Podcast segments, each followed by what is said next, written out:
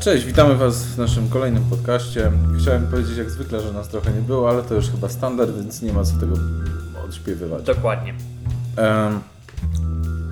W związku z tym właśnie, że, e, że trochę, minęło trochę czasu, nazbierało nam się zaległości. Pewnie no, jest ich jeszcze więcej niż na naszej liście tak naprawdę, ale nie wszystko byliśmy w stanie zobaczyć. Ale pogadamy sobie o tym, co słychać w świecie kina i Mhm. co widzieliśmy na ekranach. Jasne. Za- Zacznijmy może od e, takiej produkcji, którą widzieliśmy naprawdę już ładnych, Z miesiąc temu. z miesiąc temu. Tak. Film, który chyba w zasadzie przeszedł bez echa Mhm. e, w naszym kraju.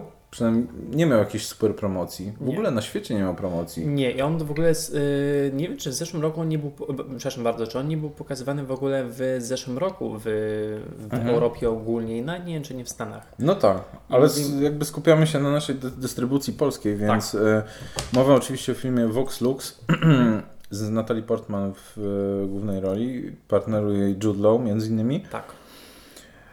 E, no właśnie ten, właśnie, ten film był, w takim razie on był pominięty chyba, jeśli chodzi o Oscara. On był pominięty i ja się bardzo, mówiąc szczerze, po seansie y, dziwiłem, jeżeli chodzi o pominięcie chociażby samej Natalii Portman i nawet w jakiś sposób y, Juda, y, kreacji Juda Law, ponieważ te dwie, y, te, te dwa aspekty, jeżeli tak to można nazwać, uważam, że wysuwały się na pierwszy plan, jeżeli chodzi o takie dodatnie y, wartości tego filmu. E, Powiem Ci tak, porównując filmy podobne powiedzmy tematycznie, czyli o jakiejś tam gwieździe pop i tak dalej, Jasne. to mówimy na przykład, że Star is Born Tak, miało lepszy, miało lepszy soundtrack według Mhm. mnie, pewnie. znaczy te utwory były fajniejsze, Mhm.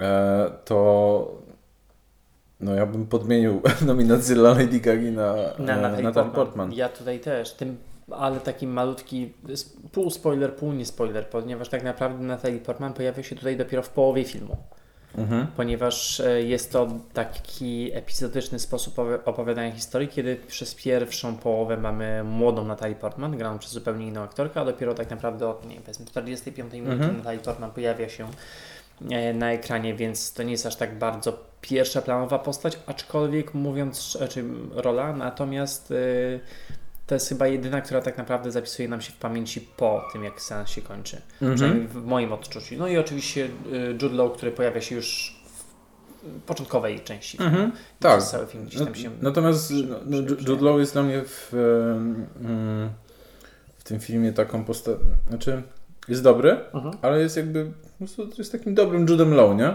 Tak, Natomiast Natalie Portman e, no, kre, kreuje tą postać tak naprawdę od, od podstaw Mhm. i, i to nie jest, że Natalie Portman gra Natalie Portman. tak. I ja ogólnie y, za to cenię ją w tym filmie, ponieważ Natalie Portman jest dość y, dla mnie dziwną, to jest złe słowo, no ale okej, dziwną aktor, a, aktorką, ponieważ uważam, że e, to nie jest uniwersalna aktorka. Uważam, że ona nie, nie byłaby w stanie zagrać każdej roli. Dlatego zdziwiłem się, że e, jest taka seria Masterclass No, na, w internecie, takich warsztatów jakby No, no, no, internetowych no, no, z, no, no, różnych, z różnych po prostu Dziedzin. kategorii, tak. Mhm.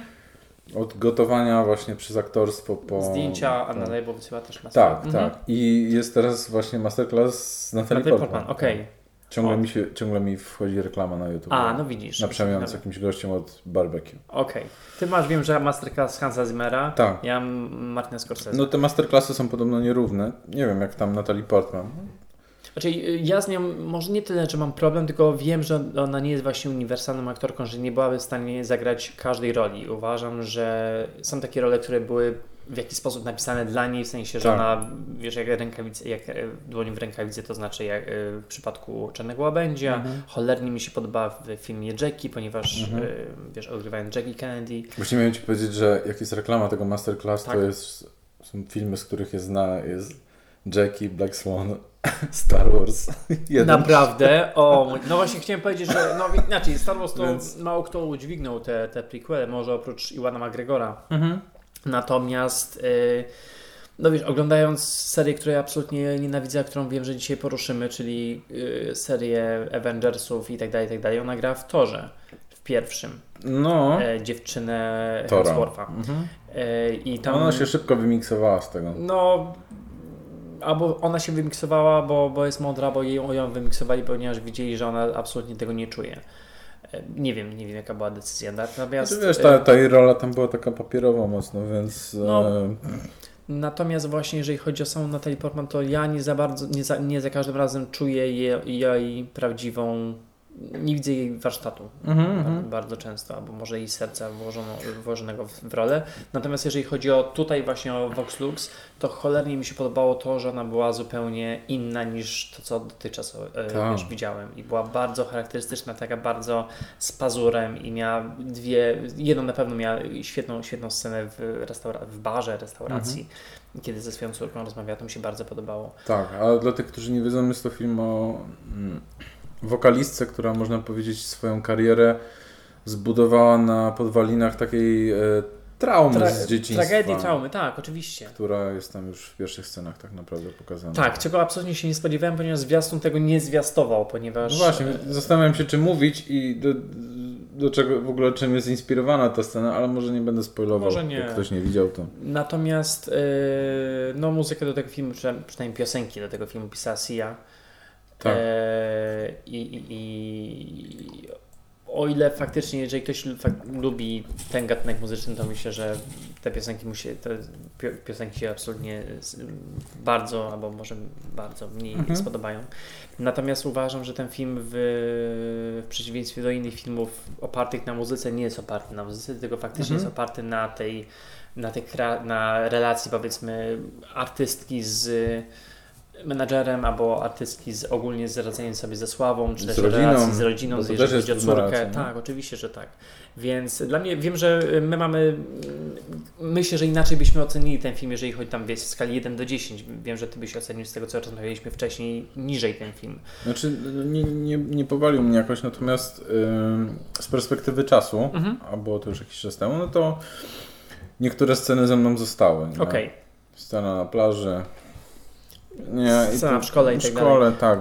Jest, realizacyjnie jest naprawdę f- fajowa. Mi się naprawdę bardzo, bardzo No i scena w konferencji prasowej. Tak, ponieważ to jest osoba, która nie przebiera w słowach i mówi to, co Tak. jeśli na, na język przyniesie, co przynosi różny, mieszany rezultat, powiedzmy. Tak, tak. Więc to był film, na którym wspólnie byliśmy. Później, byliśmy, później y, zrobiliśmy sobie przerwę, jeżeli chodzi o kino, ponieważ ty y, czekałeś czekaj, od 2008 roku, czyli kiedy Iron Man wyszedł, na zwieńczenie historii tych, tych gości w, la, w lateksowych spódnicach i tak dalej, czyli Avengers. Nie w lateksowych spódnicach, tylko w dywanach z Ikei. Więc sorry. no. E, Tak, czekałem na to. Jest, to jest chyba najbardziej komentowany e, element jakby. Ja, ja mam gadać, tak? No, bo ty nie przestałeś oglądać. Ja nie mam, myśl- ja nie czy wiesz, ja wyjdę, pójdę do toalety, ty sobie skończysz i ja wrócę. Okej. To, to jest chyba naj, naj, najbardziej omawiany serial e, w tym A, momencie. myślałem, że ty, nie, nie, nie, myślałem, że ty mówisz o Avengersach. Aha. Okej, że nie dobrze, Avengers. przepraszam bardzo. Nie, no Myślałem, że mówisz gry o o czymś Tron, innym. Gry o Tron, ja widziałem do piątego sezonu, no, ale, ale y, mówię o tym, co się za, co zaczął Iron Man i Dobrze. tak bardzo czekałeś. Okej, Iron Man, okej, Tak. dobrze. No okej, ale my... Ale ci, wiesz... Kurczę, powiedziałeś o tych lateksach, ja myślałem, że... Nie, nie, w lateksowych, wiesz, tych, tych wdziankach i tak dalej, tory i te inne pierdy. Tak, tak, tak, tak. E, tak, zwieńczenie historii Avengers. Mm, Zamknięcie pewnego rozdziału, jeśli chodzi o te ich wspólne filmy. Mhm. Wiem, że nie jest tak. Wiem, że już wiemy, że. Znaczy ja wiem. Że Ja nie chcę wiedzieć, ale tak się że nie, że nie będzie tak, że to jest reset w ogóle wszystkiego i teraz od nowa będą jakieś tam ten, uniwersa, bo trailer nowego Spidermana wskazuje na tym, że dzieje się to po wydarzeniach z Avengers. Okej. I e, jeśli chodzi o tą część, bo Poprzednio widzieliśmy wspólnie i pozostawiła ogromny niesmak. Mniej więcej taki sam jak film Wymęczy... Umówmy się, wymęczyła nas cholernie Tak. Infinity War, prawda? Tak. Ponieważ było tam bardzo dużo napierdzielania Mhm. i tak dalej. E, jeśli chodzi o tą część, to ja no kurczę, no nie, można, nie mogę powiedzieć, że jestem w ogóle teraz fanem Avengers czy coś takiego nie, i tak dalej, ale e, zrehabilitowali się w moich oczach tym filmem. Okej. Jeśli chodzi o poprzedni, jest to niebo a ziemia. Mam wrażenie w ogóle jakby robili ci sami goście, Symultanicznie ci chyba nawet. bracia. Russo, tak? Mhm. Ale ym, mam wrażenie, że tutaj jest właśnie bardziej postawione na budowanie czegoś tam wokół postaci i tak Mhm. dalej. Film ma troszeczkę inny charakter, bo nie mamy takiej kosmicznej napierdzielanki między sobą i właściwie tylko napierdzielanki, bo tak wyglądało Infinity War, No, nie oszukujmy się. E, mamy tutaj do czynienia z tak naprawdę całkiem zabawnym heist movie.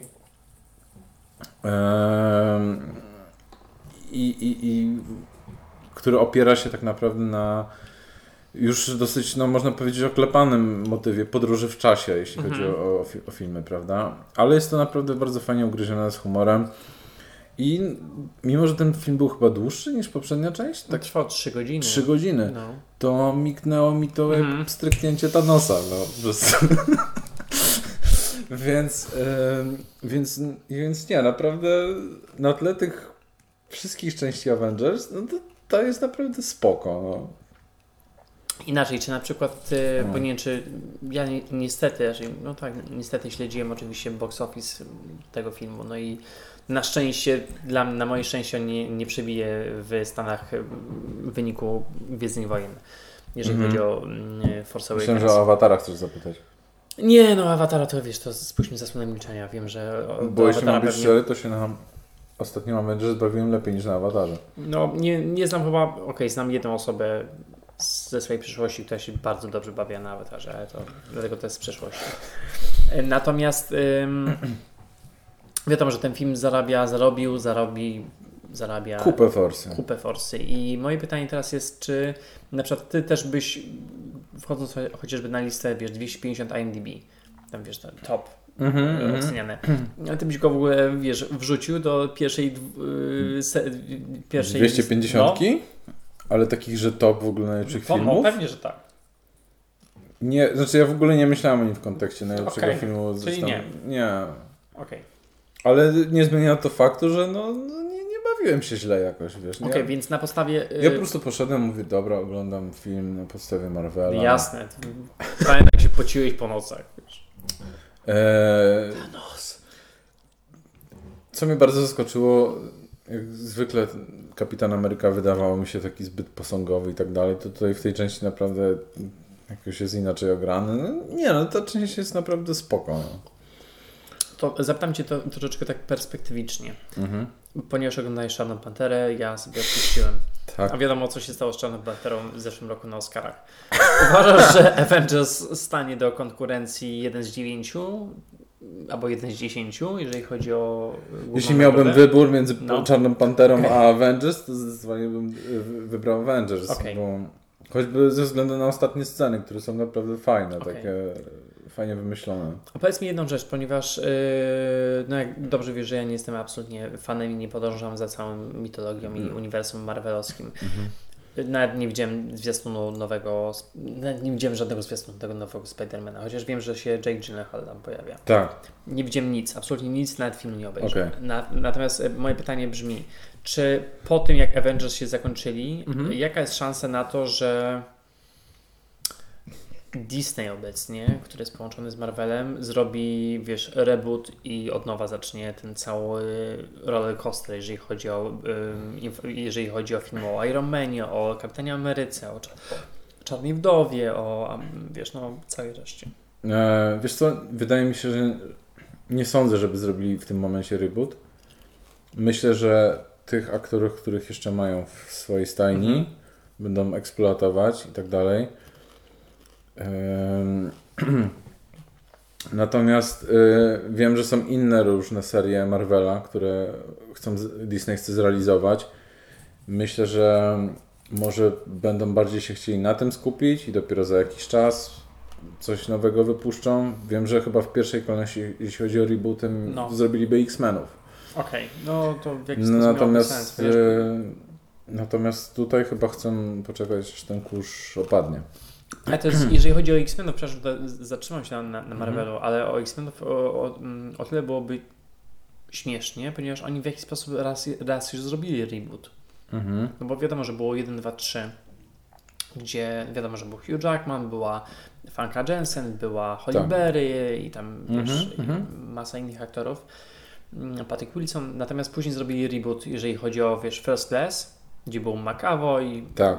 Jennifer Lawrence, no i wiem, że teraz będzie chyba czwarta część y, Mroczna Phoenix, czy jak ona tam się nazywa. No taki spin-off jakby, no albo, no okej. E, więc to już był, wiesz, reboot w 2000, nie wiem, 11 roku, więc teraz, nie wiem, mieliby od nowa znowu wszystko robić?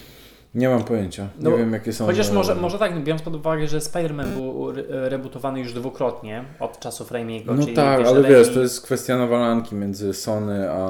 No wiem, Swoją drogą, widziałeś plakat nowego Spidermana? Nie. No ja, wiesz, Powiem tak, nie powiesiłbym. odwróć się, zobacz co tutaj mam na ścianie. Ja wiem, nie wiem, dla tych, którzy nie widzą, ale Imperium kontratakuje taksówkarza i to Tak. są dobre plakaty, ale No, nowy. Spider-Man... No, Państwo się zgooglują, a ja, e, a ja pokażę pokażesz. mojemu kompanowi. Czekaj.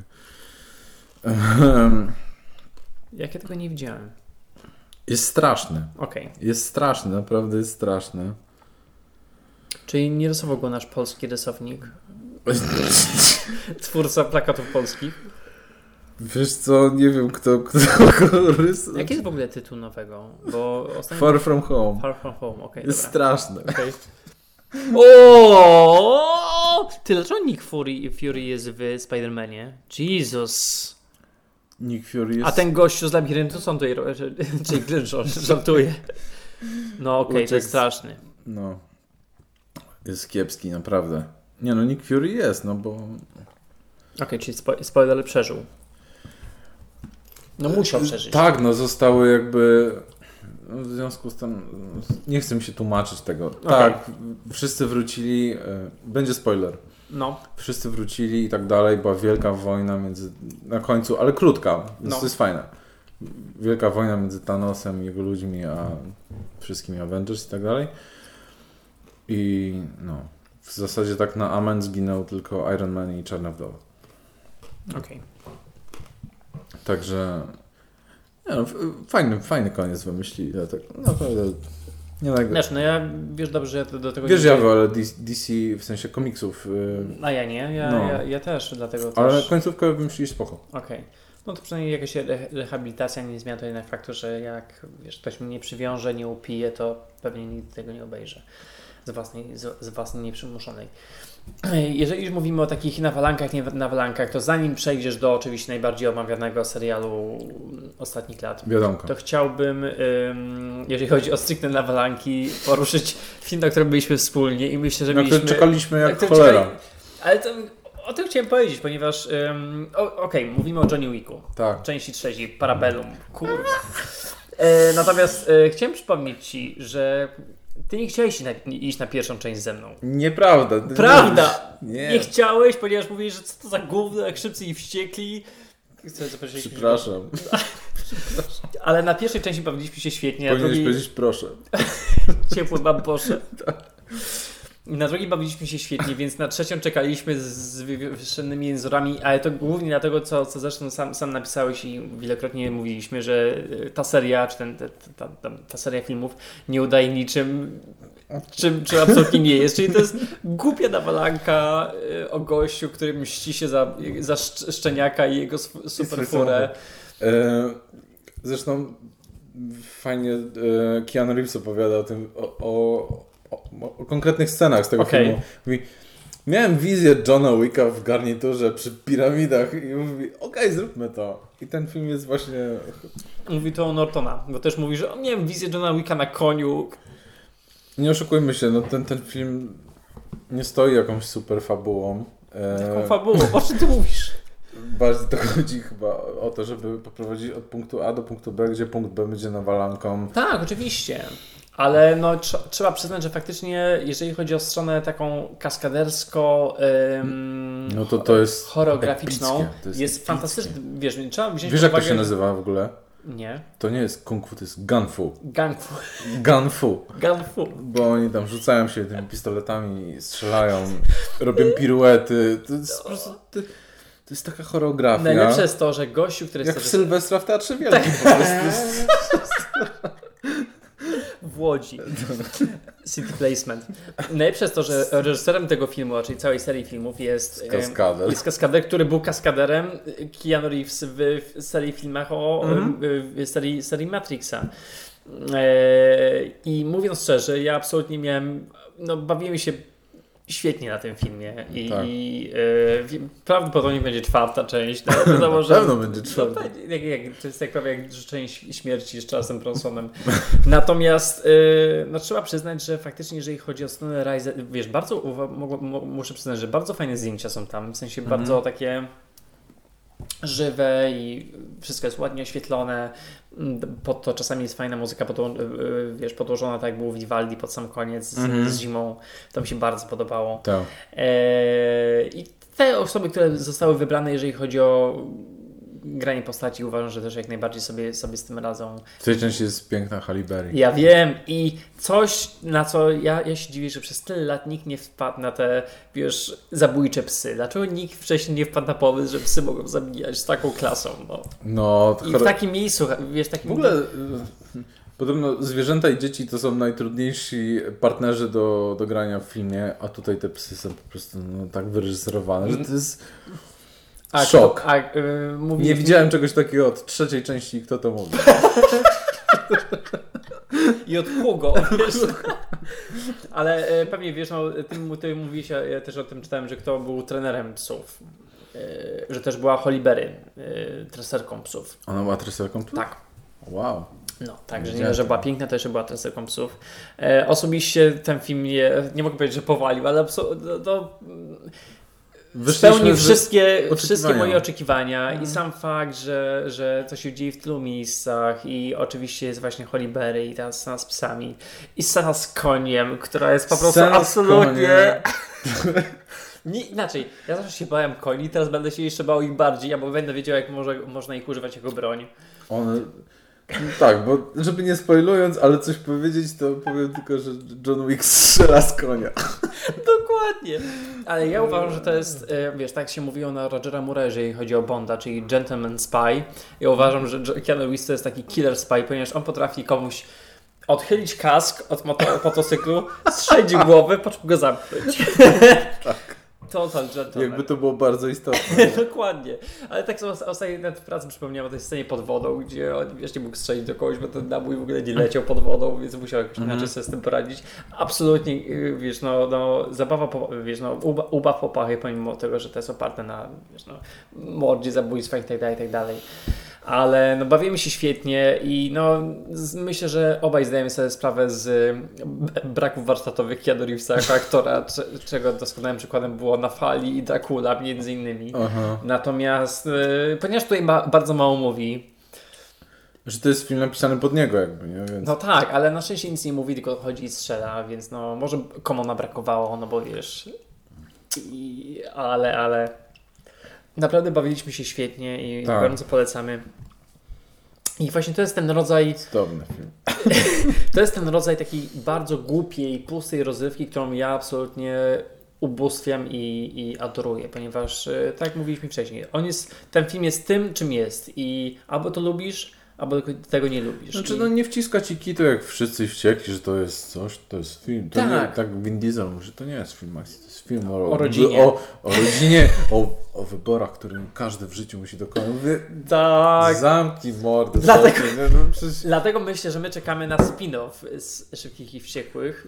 który widać, że chyba nic, Chyba nie będzie o rodzinie. nie, chyba nie będzie o rodzinie i też nie będzie udawał niczego. Myślę, że tu pojechali po bandzie. Więc... Myślę, że tak. Natomiast jeżeli chodzi o rodzinę i takie, takie więzy rodzinne i ogólną taką wewnętrzną walkę, to powiedz mi, y, ponieważ ja wiesz, że Bo- jestem daleko w tyle, za murzynami jakieś 3 lata, jeżeli chodzi o sezony, Mm. o ostatnim, najbardziej myślę kontrowersyjnym i najbardziej, najbardziej krytykowanym sezonie Aha. finałowym Gry o Tron. Okej, jestem chyba, znaczy nie będę opowiadał fabuły, bo to by nam zajęło, podcast by trwał chyba 4 godziny. Znaczy, z tego co słyszałem, jest bardziej, bardzo skrócona, więc myślę, żebyś się skrócił, zmieścił.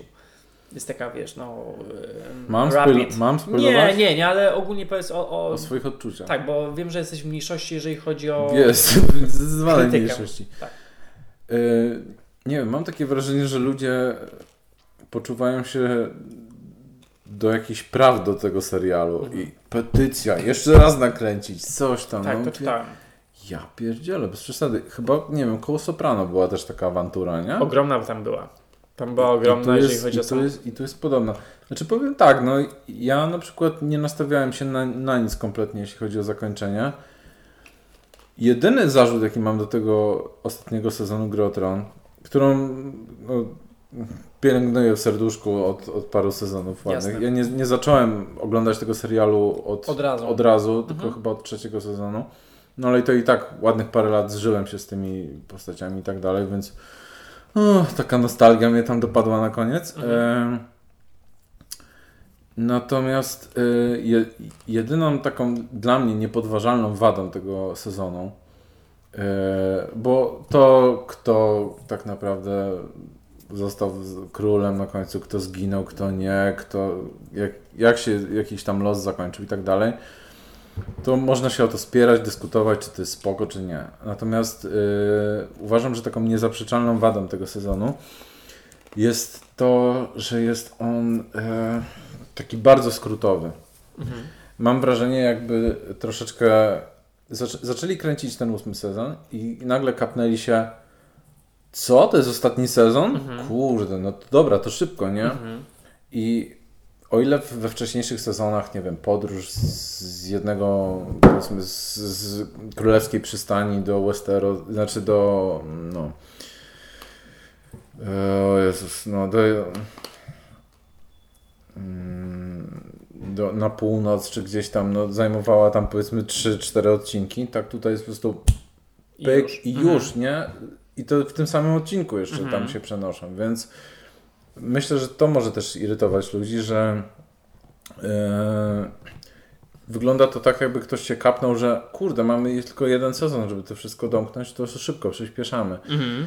E, Nie zgadzam się z do końca z zarzutem takim, który panuje wśród ludzi, że e, no nie było za bardzo miejsca na ro- rozwinięcie jakiejś tam psychologii postaci. Uważam, że te postacie były super rozwinięte, jeśli chodzi o jakieś swoje cechy charakteru przez te wszystkie sezony. Jasne. I jest to zamknięcie. Ja traktuję po prostu ten serial jako serial, jako jedną podróż Mhm. i no, ta podróż była dla mnie no, wyjątkowa, więc dla mnie traktowałem po prostu ostatni sezon jako końcówkę, no po prostu. A to, że, a to, że naczekaliśmy się na ten sezon tam dwa lata, no to, to jest inna sprawa. No. Znaczy, chyba był ile, y, jaka była przerwa pomiędzy tym a poprzednim, Chyba dwa lata. naprawdę. No. To była najdłuższa, y, fajnie, że, y, że i śmieszne, że wspomniałeś o, o, o Soprano, ponieważ wiem, że Soprano pomiędzy trzecim a czwartym sezonem było 16 miesięcy i to był chyba najdłuższy do tego czasu. E, Ten okres oczekiwania, to był Mhm. najdłuższy okres oczekiwania, jeżeli chodzi Mhm, o, mhm. wiesz, pomiędzy jednym a drugim do tego stopnia, że HBO samo zaczęło się bać, że wiesz, ludzie zapomną o tym, Mhm. jaki będzie serial i tak dalej, i tak dalej. E, Ciekawi mnie to, co powiedziałeś, jeżeli chodzi o ósmy Tak. sezon, że mm, ponieważ tam było mało odcinków, ile było? 7, 8? Wow, nie, nie, wiesz co, było z sześć? Okej, no wiem, że one trwały po półtorej godziny, te, te przynajmniej Tak. te ostatnie odcinki. Mhm. Ale ciekawi mnie to, ponieważ zazwyczaj jest tak, w przypadku Soprano tak było, w przypadku Breaking Bad tak było, w przypadku Madmana tak było. No wiadomo, że nie, też wszystkich se- seriali nie oglądałem, więc Mhm. to jest mnie ocenić, ale na podstawie tych trzech, które, które wymieniłem, zazwyczaj było tak, że te ostatnie sezony miały większą ilość odcinków. Wiesz, Mad Men był podzielony na 7.1, 7.2, 7A, Mhm. 7B. Mhm. Breaking Bad 5A, 5B. Soprano 5A, 5B, co dawało tak naprawdę, wiesz, każdy sezon miał, powiedzmy, ostatni sezon miał oko, w okolicach 20 odcinków. Mhm. I te odcinki tak czy jak były dłuższe.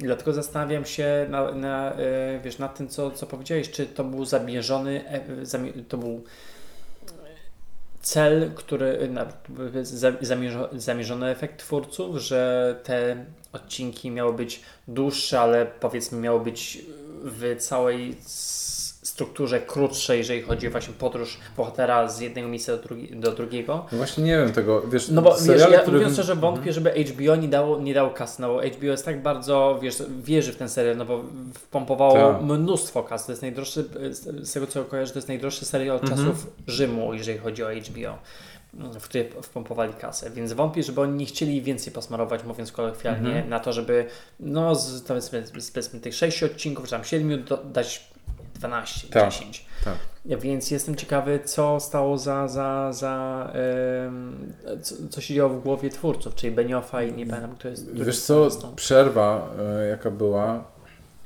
myślę, że była też spowodowana tym, że e, no, jeden z odcinków na przykład mm, kosztował tyle, co chyba tam ostatnia część Władcy Pierścieni, Okej. więc no bo tam też była taka wielka bitwa, no i e, właściwie cały odcinek to była jedna To wielka bitwa. tam półtorej godziny. I oni to też kręcili, nie wiem ile tygodni, ale bardzo dużo, Mhm. więc, e, więc myślę, że to też w jakiś sposób miało na to wpływ. No, natomiast no mówię, no ja traktowałem to jako domknięcie już tego wszystkiego, no bo Czyli inaczej, ogólnie ty nie jesteś ro- rozczarowany. Pomimo tego, tego tej, tej, powiedzmy, tego skrócenia. trochę mnie to skrócenie wkurza. Uważam, że na przykład spoiler mogło być trochę więcej czasu poświęcone Mhm. temu, jak e, postać Daenerys zaczyna odwalać Mhm. i staje się po prostu taka, jak y, legendy opowiadały o jej ojcu, że był szalonym królem i ona po prostu też na koniec y, faktycznie czuje się taka, no, powiedzmy, niekochana. Zresztą wychodzi na jaw, że Jon Snow jest tak naprawdę potomkiem i Targaryenów, i Starków, więc jest naturalnym y, dziedzicem tronu, a nie ona. Mhm. Wszyscy kochają jego, nie ją. Ona była taka cały czas miękka, w końcu No jej tak. odwala i mimo, że na przykład Cersei, miasto, miasto Cersei się Mhm. poddaje, to ona i smokiem po prostu pali żywcem Mhm. dzieci, kobiety, po prostu wszystkich. Mhm. Nie? Wiele osób miało z tym problem, że ona tak nagle to by mogło być faktycznie bardziej trosz, troszeczkę może rozciągnięte, może to by bardziej było argu- uargumentowane to, bo Okej. to tak naprawdę ta jej taka przemiana no to była kwestia trzech odcinków, a przez cały serial była taką no, pozytywną postacią, więc No, może... Więc, tak. więc mówię, no ta skrótowość Mhm. zdecydowanie em, jest najgorszym elementem, jeśli chodzi o ten serial, Ponieważ e, o ten sezon. E, Ponieważ ludzie najczęściej, najczęściej padający zarzut, jeżeli chodzi o ten sezon i powiedzmy se- sezon wcześniejszy, Mhm. jeszcze wcześniejszy, mm, polega na tym, że w momencie, kiedy skończyły się, wiesz, no, y, skończył się pierwowzór Martina Mhm. i kiedy oni sami zaczęli dopisywać kontynuację, to w ten se- serial zaczął tracić ten swój, Mhm. e, swoje, swoje, swój, swój tor. powiedzmy. Jestem ciekaw, jak się skończy ta książka i na ile było to konsultowane z, z Martinem. no. Mhm. Zobaczymy. No, ja biorąc pod uwagę, wiesz, ogromny sukces e, Gry o Tron w wersji serialowej, ja spodziewam się, że na pewno będzie jakiś spin-off, jeżeli chodzi o HBO albo jakiś I film. już no, jest w produkcji. No, więc, więc, to, więc to, co, już widać. No, taki prequel można No, powiedzieć. natomiast, no wiesz, no, nawet z Soprano ma być film, prequel, teraz Mhm. po, po tylu latach. Natomiast, e, wiesz, no, jeżeli HBO wydało pieniądze na to, żeby zrobić dwa, aż dwa filmy kinowe o, wiesz, seks w Wielkim Mieście, to myślę, że na pewno wyda pieniądze Mhm. na to, żeby zrobić Grę o Tron. Nie, no jasne. A kto już tęskni za y, Grą o Tron, to na HBO, y, na HBO Go jest dokument o powstawaniu ostatniego sezonu. Mhm. Tam można zobaczyć, ile tak naprawdę pary poszło w ten... Ale to jest ciekawe, ponieważ HBO raczej, raczej to HBO Go raczej nigdy nie wchodziło w takie dokumenty o powstawaniu, Mhm. jeżeli dobrze kojarzę. Oczywiście to było część do, do, dodatków na, na Blu-rayu. Wiesz co, no myślę, że przy, przy, przy fenomenie, jakim jest Gra o Tron, stwierdzili, że to będzie dobre posunięcie. No, pokazać trochę ludziom też y, kulisy tego. Mhm. Ale tak jak y, mówiłem Ci poza, poza nagraniem, to jest dokument, który bardziej się skupia na osobach, które są powiedzmy mniej wi- niewidoczne w tym serialu, czyli ludzie odpowiedzialni za scenografię, Mhm. za efekty specjalne, za statyści nawet tam. Co jest- Jeden statysta jest, można powiedzieć, takim głównym bohaterem, który tam jest w ogóle od pierwszego sezonu Mhm. chyba. Co jest uważam bardzo fajnym zabiegiem, ponieważ zazwyczaj są bardzo takie ogólne te dokumenty, które wiesz, no zawsze pokazują to, właściwie to samo, że to są tak zwane BTS, czyli behind the scenes. Mhm. Wszyscy, mu, o, wszyscy o wszystkim mówią, wiesz, superlatywach, że to było najlepsze przeżycie i tak dalej, i tak dalej. A Znaczy, fajne. jest, jest bardzo fajna scena, y, jest bardzo fajna scena w dokumencie, to będzie z to kolejny spoiler, Mhm. z czytania scenariusza. O, gdzie nie wszyscy czytali już scenariusz. Mhm. I John, a Kit Harington, który gra Johna Snowa, siedzi naprzeciwko Emilie Clark, która gra e, Wiem, Daenerys. Daenerys Mhm. i oni są tam od sezonu kochankami Mhm. i tak dalej. I ona już czytała, a on jeszcze nie. I jego mina w momencie, kiedy czyta, że on ją zabija na Mhm. końcu, jest po prostu jest bezbłędna, nie? Po prostu facetowi napływają łzy do Mhm. oczu i się na nią patrzy, a ona tak na niego patrzy, mówi, wiem. to jest niesamowite. Tuż przed, przed nagraniem powiedzieli, że chcieliście o tym powiedzieć. Co się obecnie z tym aktorem dzieje? Właśnie, e, zdecydowanie, no bo to jest jego pierwsza tak naprawdę e, rola, to jest w ogóle jego pierwsza rola po szkole teatralnej. Mhm. I Myślisz, że ostatnia? Biorąc Nie. pod uwagę popularność serialu? Nie wiem, bo znaczy nie ostatnio, no bo on tam grał w czymś jeszcze e, w międzyczasie, w jakimś takim małym serialu e, BBC. Mhm. Ale przerosło go to zdecydowanie. Podobno, podobno popadł w, w alkohol Mhm. i no nie radzi sobie z końcem. Zresztą o, oglądając ten dokument, No. to jest jedna scena z nim, jak czyta scenariusz, ale później jest scena, kiedy kręcą ostatnią scenę z nim. Widać, że facet jest naprawdę złamany, że to już jest koniec, nie? Mhm. Więc e, no, więc chyba go to przerosło. No cóż, no życzymy mu powrotu do zdrowia. No oczywiście, że tak. No. No i tyle o, o Grze o Tron może. Dobrze. No ja mam ostatni film. Na, dobra, najpierw powiemy o czymś złym, a później o czymś dobrym. Film, na który ty namawiałeś przez pół roku.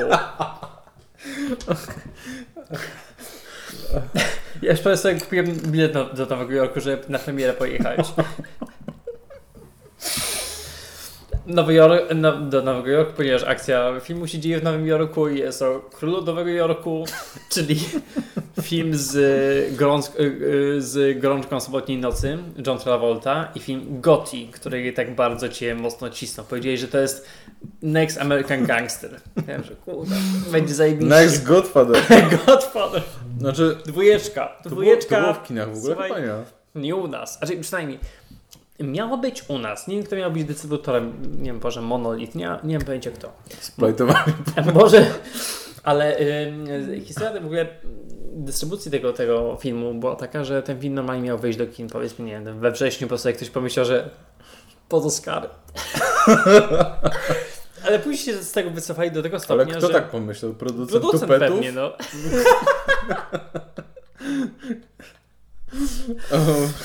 A później coś tam się stało z tym, z tym ym, z tą dystrybucją do tego stopnia, że wyszedł w limitowanej wersji. Limitowane. Do tego stopnia limitowany, że nie, nie, do, nie dotarł do Polski, chociaż miał, a ja już liczyłem, że wiesz, największy ekran, siedzenia z boku, wiesz, IMAX. Wiesz, IMAX, wiesz o co chodzi, wiesz, bez, bez popcornu, kawa z prądem i te sprawy. No niestety musieliśmy No to obejrzeć w domowym ognisku, wiesz. Ja dziękuję, dziękuję Ci bardzo, że kupiłeś tę wersję deluxe na Blu-rayu z Amazonu. I co możesz mi powiedzieć o filmie Gotti? Która, który jest drugą mi osobiście, osobiście może, były jakieś, może były więcej. Dla mnie to jest druga wersja e, opowiedzenia historii Johna Gottiego. Bo pierwszą, którą widziałem, to była wersja telewizyjna, nakręcona przez HBO w 97 albo 6 roku. Mhm. Um, to była mocno telewizyjna i HBO swojego czasu miało bardzo charakterystyczny, charakterystyczny sposób a kręcenia ogólnie scen, oświetlania, więc to było takie mm, szablonowe, ale, ale aktorsko było bardzo dobre. Czego nie mogę powiedzieć o tym filmie, ale myślę, że Znowu za ja mam, nie, nie, nie. Gadałem się o tej grze o Tron. myślę, że nie zbijesz z tym filmem. Okej, no e, film Gotti, czyli... e, Znaczy, znaczy w ogóle do, co ta się pytasz? Ja mówię. Gotti, John Gotti. E, Główne role gra małżeństwo, czyli John Travolta i jego urocza żona przykrywka, czyli Kelly Preston. Okej. Jest, to, jest to historia e, oparta rzekomo na faktach, czyli na historii e, gangstera, czyli, czyli tak naprawdę bossa mafii Nowego Jorku w latach 70. Johna Mhm. Gottiego. mm, który objął swoje stanowisko. Właśnie chyba w, w jakiejś połowie lat 70. i to trwało do końcówki lat 80. Mhm, Pod koniec lat 80., albo na początku 90. został w końcu skazany i, i no, na chwilę obecną już nie żyje. Eee, nie wiem od czego zacząć, jeżeli chodzi o problemy tego filmu. Może od tego, że film. że główną postać gra John Travolta. Osobiście do tego fasada nic nie mam, ponieważ bardzo fajnie reklamuje zegarki. I, i uważam, dla mnie osobiście, zrehabilitował się w jakiś sposób serialem American Crime Story pierwszym, sezon, pierwszym sezonie, gdzie grał Shapiro. Tak, tak naprawdę, jeżeli chodzi o Gotiego, to zastanawiam się, y, od czego tutaj zacząć, ponieważ no, sama historia, tak wspomniałem wcześniej, jest no, powiedzmy pobieżnie, pobieżnie znana i to jest, y, tak również wcześniej wspomniałem, drugie podejście do jej nakręcenia. Wiem, że sam John Travolta y, przez lata może nie tyle zmagał się nie tyle zmagał się, ile, ile, ile, ile chciał bardzo zrealizować tę, e, tę historię. Na tyle, jeżeli biorąc pod uwagę tyle, dajmy na to, że to było 5, około może 5-10 lat prób powstawania tego, tego filmu, nie filmu, to dziwię się, że tak naprawdę taki, e, że efekt końcowy jest tak, mówiąc delikatnie, średni, ponieważ ponieważ Szczerze mówiąc, oglądając ten film, no oglądaliśmy go wspólnie. Yy, wiele filmów oglądaliśmy wspólnie. To były lepsze i gorsze filmy, i jeszcze gorsze filmy. No, obejrzeliśmy, obejrzeliśmy razem, yy, nie wiem, Shadow i. Zgadnijcie, do których ten się zalicza. Darkman? Nie, jaki był ten drugi? Darkmana nie oglądaliśmy. Nie, Darkman to jest Shadow, Shadow, Shadow, a ten drugi? Phantom. Phantom. E, I mówiąc szczerze, żadnego ale z nich. Darkman to jest dobry, dobry pomysł. Tak, no ale. Trzy części chyba są. No. Ale pierwszy jest sama Raimiego. Ale to jest pierwszy film, na którym nie to, że przysnęliśmy, ale przestali, straciliśmy wątek nie, w 15-20 minucie. I nie dlatego, ponieważ. Znaczy, nasze, był... nasze Instagramy wydały się ciekawsze w tym tak, momencie i. IMDb, o słyszaj, widziałeś tego gościa, tego tam, co trzyma broń w, na czwartym planie, no. przechodzi przez ulicę, dobra, sprawdźmy go. Ale rzadko jest tak, że faktycznie tracimy zainteresowanie filmem w pierwszym akcie, e, a tutaj tak się niestety stało. I to się stało przez to, że film ogólnie jest cholernie nudny. Jest pomimo strasznie tego, nudny. Pomimo burzliwego życia Johna Gottiego, ponieważ on bardzo często jest tam, gdzieś pojawia się w różnych filmach kryminalnych, gangsterskich, w sensie sam, sa, sama postać Johna Gottiego. Natomiast tutaj jest ona ograna w tak bardzo nudny i pretensjonalny sposób, że w momencie, kiedy ktoś ginie na ekranie, a parę tych morder morderstw się pojawia, i to na nas nie robi to żadnego wrażenia. Jeśli pomijając to, że każde, co drugie słowo jest fakt, no to absolutnie mi nie przeszkadza, wiesz, na ale Wall Street, ale to było... Ale jest to w sposób taki sztuczny, tak. taki Poza tym ja mam, ja mam taki, ja po prostu nie cierpię takich filmów, w których pojawia się na początku bohater. Ja wiem. Załóżmy, że nie znam postaci Johna Gottiego, a John Gotti nagle odwraca się do kamery i mówi Nowy Jork, uwielbiam to miasto, tak. możesz w nim albo zostać królem, albo zginąć. Mnie udało się zrobić obydwie rzeczy. I Czyli mamy bohatera, który przemawia do nas z zagrobu tak. i generalnie spoiluje nam cały film. Tak, ja... I no jest to dla mnie straszny problem. Ja się z tym spotkałem dwukrotnie. Raz tak bardzo... karate po polsku, od razu wiesz. karate po polsku. Ja się z, tym, z, z takim zabiegiem spotkałem dwukrotnie e, osobiście. No okej, okay, tak jak powiedziałeś karate po polsku, to już wiem, że trzykrotnie. Ale w amerykańskich filmach. Raz tego się w ogóle nie spodziewaliśmy, czyli filmie Legend z Tomem Hardym. A drugi raz w filmie The Walk czyli o Filipie, który przeżył pomiędzy wieżami World Trade Center, ponieważ tam na dzień dobry mamy Filipa, który odwraca się do, dokładnie tak, w taki sam sposób, odwraca się do kamery na, na green screenie w dodatku i mówi, że o, to jest historia o mnie, ja przeszedłem tutaj w 70 tam, nie tam 6, 3 roku, obojętnie którym i no, bawcie się dobrze, między innymi. Nie wiem po co są takie zabiegi tak naprawdę, wiesz, bo no, no też nie są, nie są może to postaci, które każdy po prostu gościu, którego zahaczysz na ulicy zna. I może by się lepiej bawił, nie wiedząc, jak kończy się ta historia, nie? Wiesz, no dla mnie ten zabieg w ogóle był mocno infantylny i, i sam film, no oczywiście ktoś, kto pewnie uwielbia ten film, a to jest pewnie Travolta by powiedział, że no, to jest klamra, ponieważ na samym początku mówi, na samym końcu mówi jest super, no. Na samym końcu on tak, tak, tak, tak naprawdę zaprasza nas na napisy końcowe, ponieważ mówi, że o, to jest moja historia, wiesz, have a nice week. No, Ale to jest taka klamra dla ułomnych, jak dla mnie, wiesz, Tak. wiesz bo to To jest... jest takie łopatologiczne tłumaczenie i wiesz, no wiem, że reż- reżyserem tego filmu, no w cudzysłowie, reżyserem jest Connolly, nie wiem, jak ma, ma, na imię. Eee, Michael Connolly? Um, sprawdzę, wiesz co, bo... Wiem, że to jest reżyser slash aktor. E, jako aktor grał w filmie Judy Foster. e, Kevin Connolly, o, właśnie. E, jako aktor grał. urodzony 74 No, w Nowym Jorku. A, to zna tę zna tę historię. Ale tak zupełnie poważnie. Yy, pomimo tego, że obsada nie jest zła tego filmu, to wszyscy grają tak właśnie jakby uczestniczyli w castingu do, do Soprano między innymi. To znaczy chcą być bardzo twardzi, chcą tak bardzo wyeksponować tę swoją włoskość i, i, i taki bardzo charakter nowego, nowojorskiego gangstera. I to się absolutnie nie sprawdza, ponieważ to już się przejadło osobi- w moim mniemaniu. I nawet te wszystkie mordy, które widzimy na ekranie, które są no, dość krwawe i faktycznie brutalne, osobiście na mnie nie robiły żadnego wrażenia. Pomimo tego, że Nie, się pojawiły po, nawet po, pierwszym filmach, po filmach Martina Scorsese chociażby, no to, no to, to jest takie już... No okej. tak, no. widziałem to już, no. Nie? No, To jest... Nie ma, to już nie ma, nie, nie ma w tym nic takiego szokującego, więc yy, no, osobiście największym zarzutem moim do tego filmu, pomy- pomijając to, tego Travolta, którego raz lubię, raz nie lubię osobiście, to jest to, że film, osobi- y, film ogólnie jest nudny, ale uważam, że to jest najgorszy, najgorszy jaki może być zarzut do filmu. Mhm. Film może być głupie, może się podobać. Tak. Ale jeżeli film jest nudny, to znaczy, że wiesz, w pewnym momencie, jeżeli nie jesteś w kinie, jeżeli jesteś No bo w y, John Wick wspomniany przez nie? Tak, to, to nie jest jest mądry film. film, ale jest... Ale dostarcza jest ci. Tak, ale dostarcza ci na tyle rozrywki, że nie chcesz stać z fotela. Tak. Wiesz, gdybyśmy byli na Johnny Gotham, prawdopodobnie byśmy z niego nie wstali, ale byśmy Albo ja bym poszedł po drugi popcorn. y, Tak, no, a ja nie wiem, bym sobie, nie wiem co, zaaplikował coś.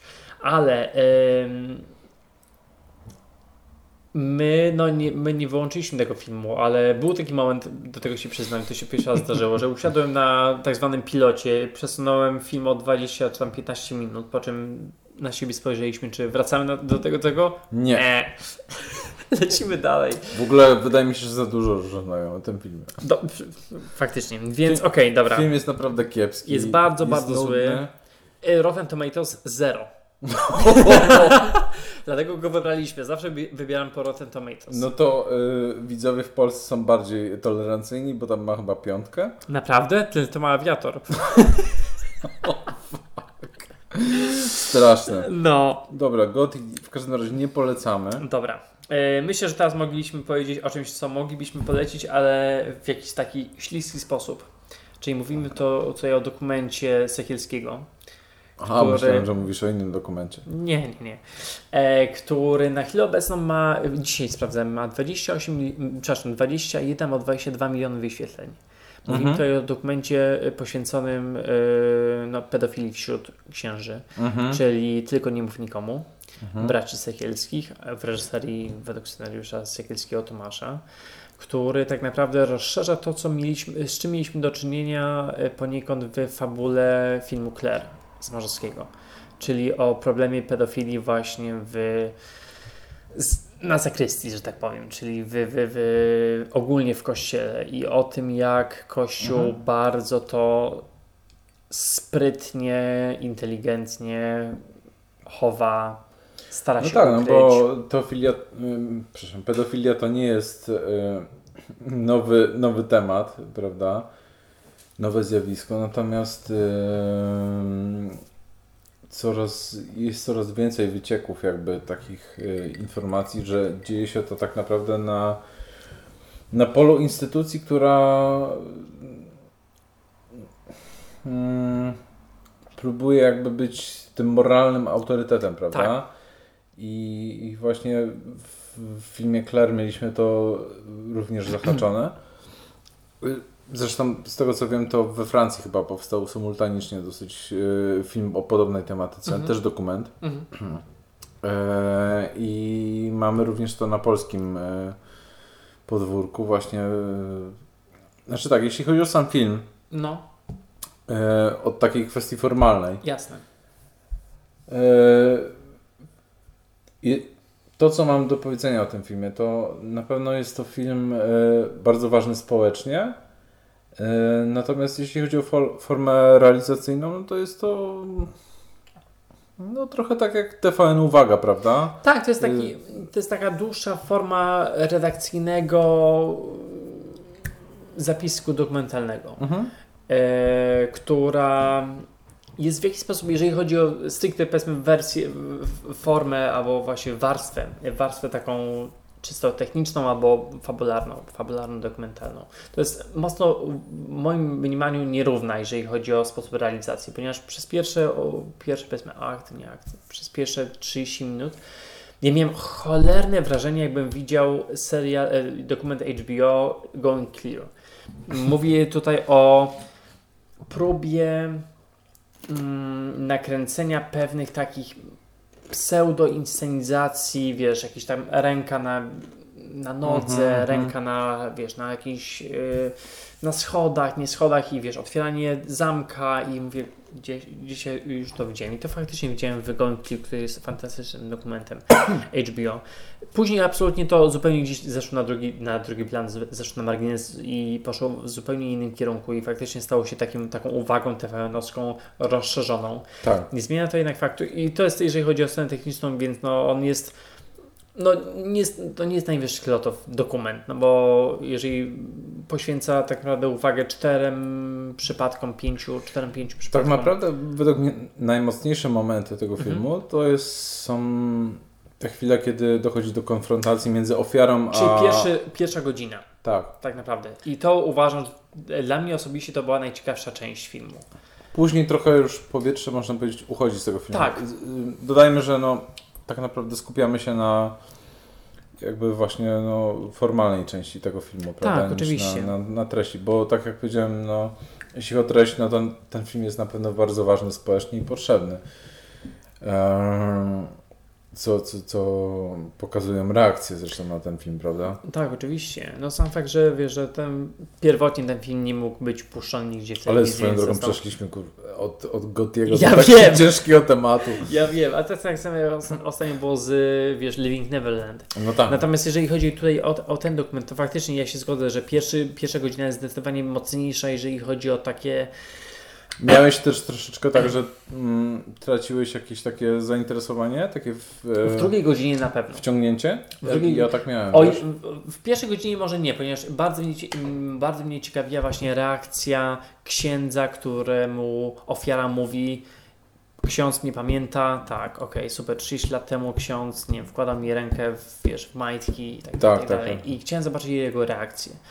I byłem zszokowany jego reakcją, ponieważ on mówi, że tak, no byłem głupi, Bóg mi wybaczy. Ja mówię, że o, no zajebiście. No i wiesz, no i ten pierwszy, Tak. pierwsza ko- konfrontacja, która mnie absolutnie rozwaliła, ponieważ y, ksiądz ewidentnie mówi do swojej ofiary, do kobiety, która ma 39 lat, że gdyby pani przyszła wcześniej, to może coś dał, jakieś pieniądze, ra, ra, ra. Tak, tak, to jest niesamowite. Eee, I zresztą drugi ksiądz mówi, w jaki, no między słowami mówi, mówi to samo, tak naprawdę, że może, może coś ci dam, ra, ra, ra, w jakiś Mhm. sposób, wiesz, no takie odkupienie winy. Mhm. Natomiast e, drugi, drugi, albo trzeci, no, jeżeli można podzielić to powiedzmy na dwa akty, no to drugi akt tego filmu zupełnie jest inny, ponieważ on e, mówi o księdzu, którego nie spotkaliśmy, nie ma tego, tej, tej konfrontacji, tak naprawdę bardziej się skupia na tym, jak e, przez wszystkich hołubiony Jan Paweł II był, no, no nie oszukujmy się, no teraz wiadomo i było to już od lat wiadomo, że no krył tych wszystkich księży i, Tak. i, i wiesz, no krył im dubska. Co jest, co jest Dla mocno- dobra mocno ogółu kościoła jakby Tak. tuszował jego bardzo mocne grzechy. No. Tak, tak, tak. I to jest oczywiście przeplatane z jakąś konferenc- konferencją prasową z no, głowami kościoła polskiego, które nie są w stanie przytoczyć e, e, liczby przez nich zgłoszonych, em, zgłoszonych molestowań do jakichś tam. Znaczy z tego co ja słyszałem jest spory dysonans między zgłoszoną liczbą Mhm. y, ofiar, a faktyczną. prawda? No oczywiście, że tak. Nie zmienia to jednak faktu, że, że, wiesz, że to jest uważam bardzo dobre, jeżeli chodzi o takie społeczne wartości, bardzo ważny mhm. dokument. I uważam, że taki powinno być więcej mhm. i o tym nie powinno się milczeć, ponieważ no wiadomo, że film Claire poniekąd również poruszył, te, poruszył ten temat.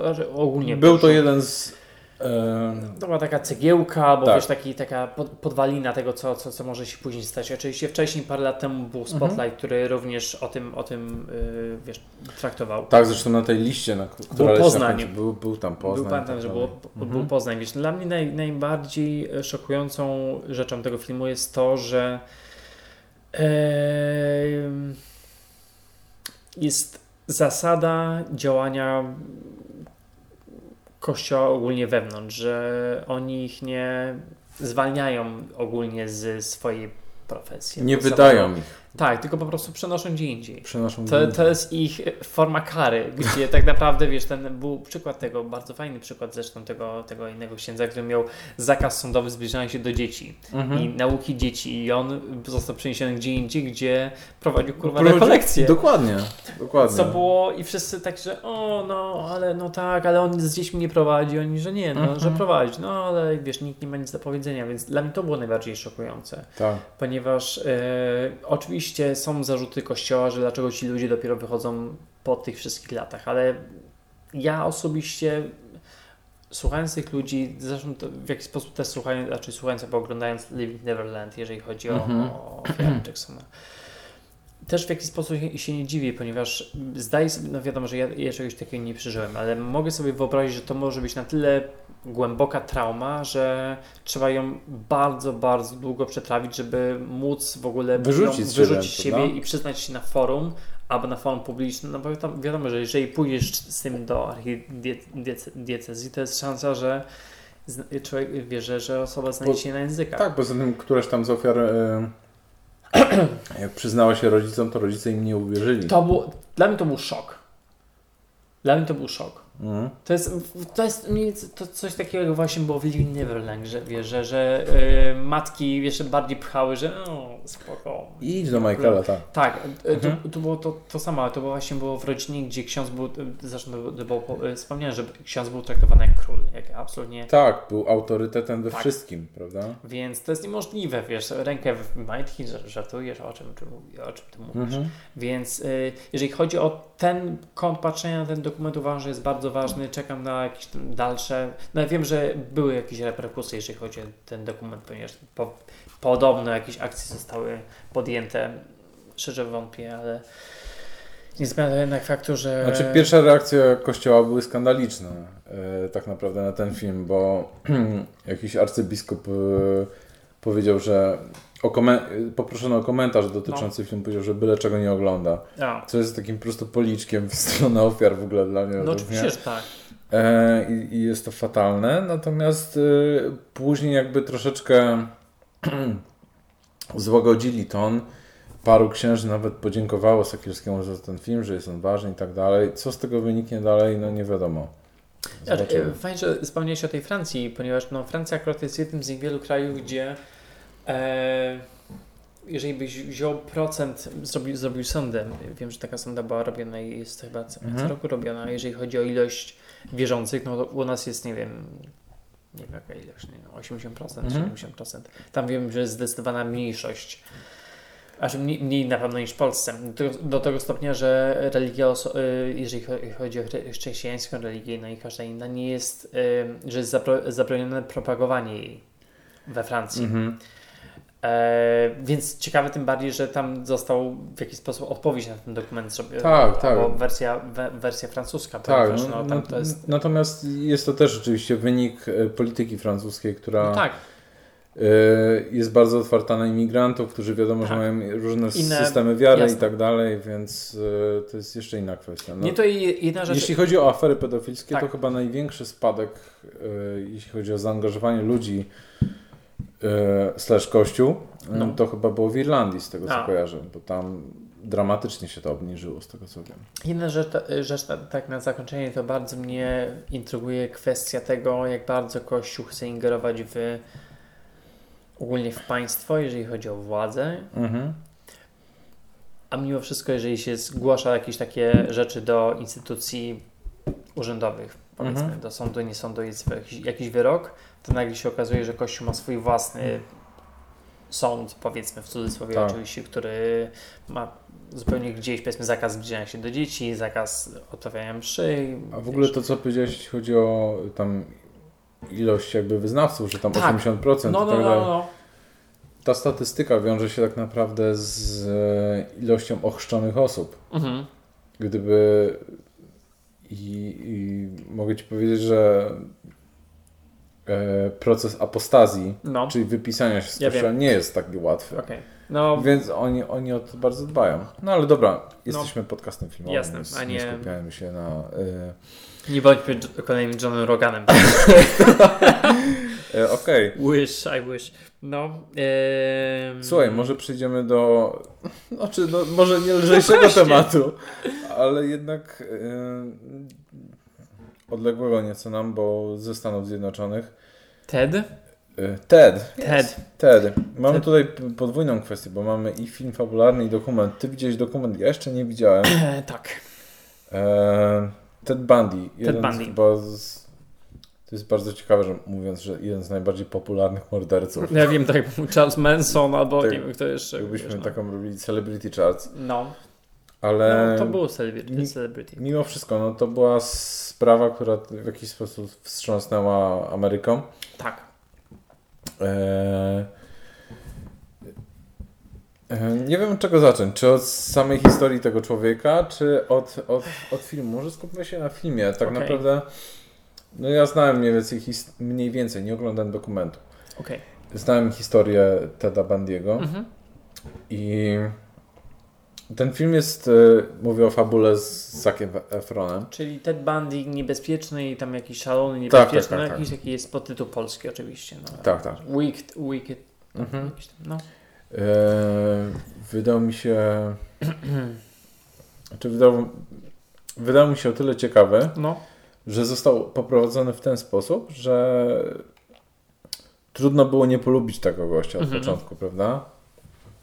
Czyli został jakby w pewien sposób zachowany ten cały proces, który ten, ten facet stworzył. Po prostu on omamiał ludzi wokół siebie, Tak. że no trudno było mu nie wierzyć. Mhm. E, dopiero jakby na końcu jego drogi okazało się, co faktycznie robił, prawda? Mhm. Znaczy mówimy tak, naprawdę o historii no, Teda Bundy'ego, który w latach 60., 70., 80. już ra, raczej nie. Mm, e, No, mówiąc bardzo ogólnikowo, tak, wiesz, tak faktowo, szerzył przemoc, jeżeli chodzi o. o, o mm, Ile tam było ofiar w sumie?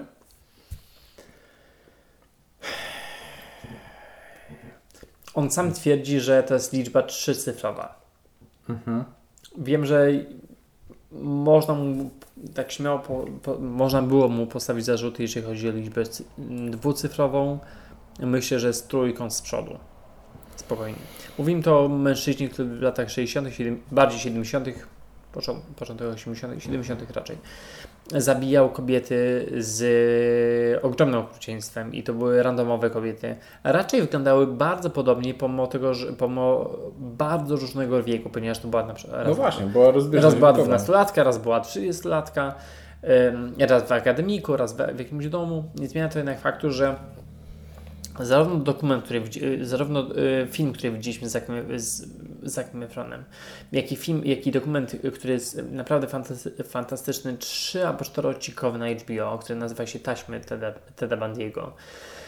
E, traktuje o człowieku, którego no cholera da się lubić i to jest najgorsze w tym wszystkim. Ponieważ dokument robi dokładnie to samo. To znaczy dokument przedstawia historię cholernie charyzmatycznego człowieka, którego da się lubić, który jest zawsze pomocny, zawsze jest tam, kiedy, kiedy jest potrzebny.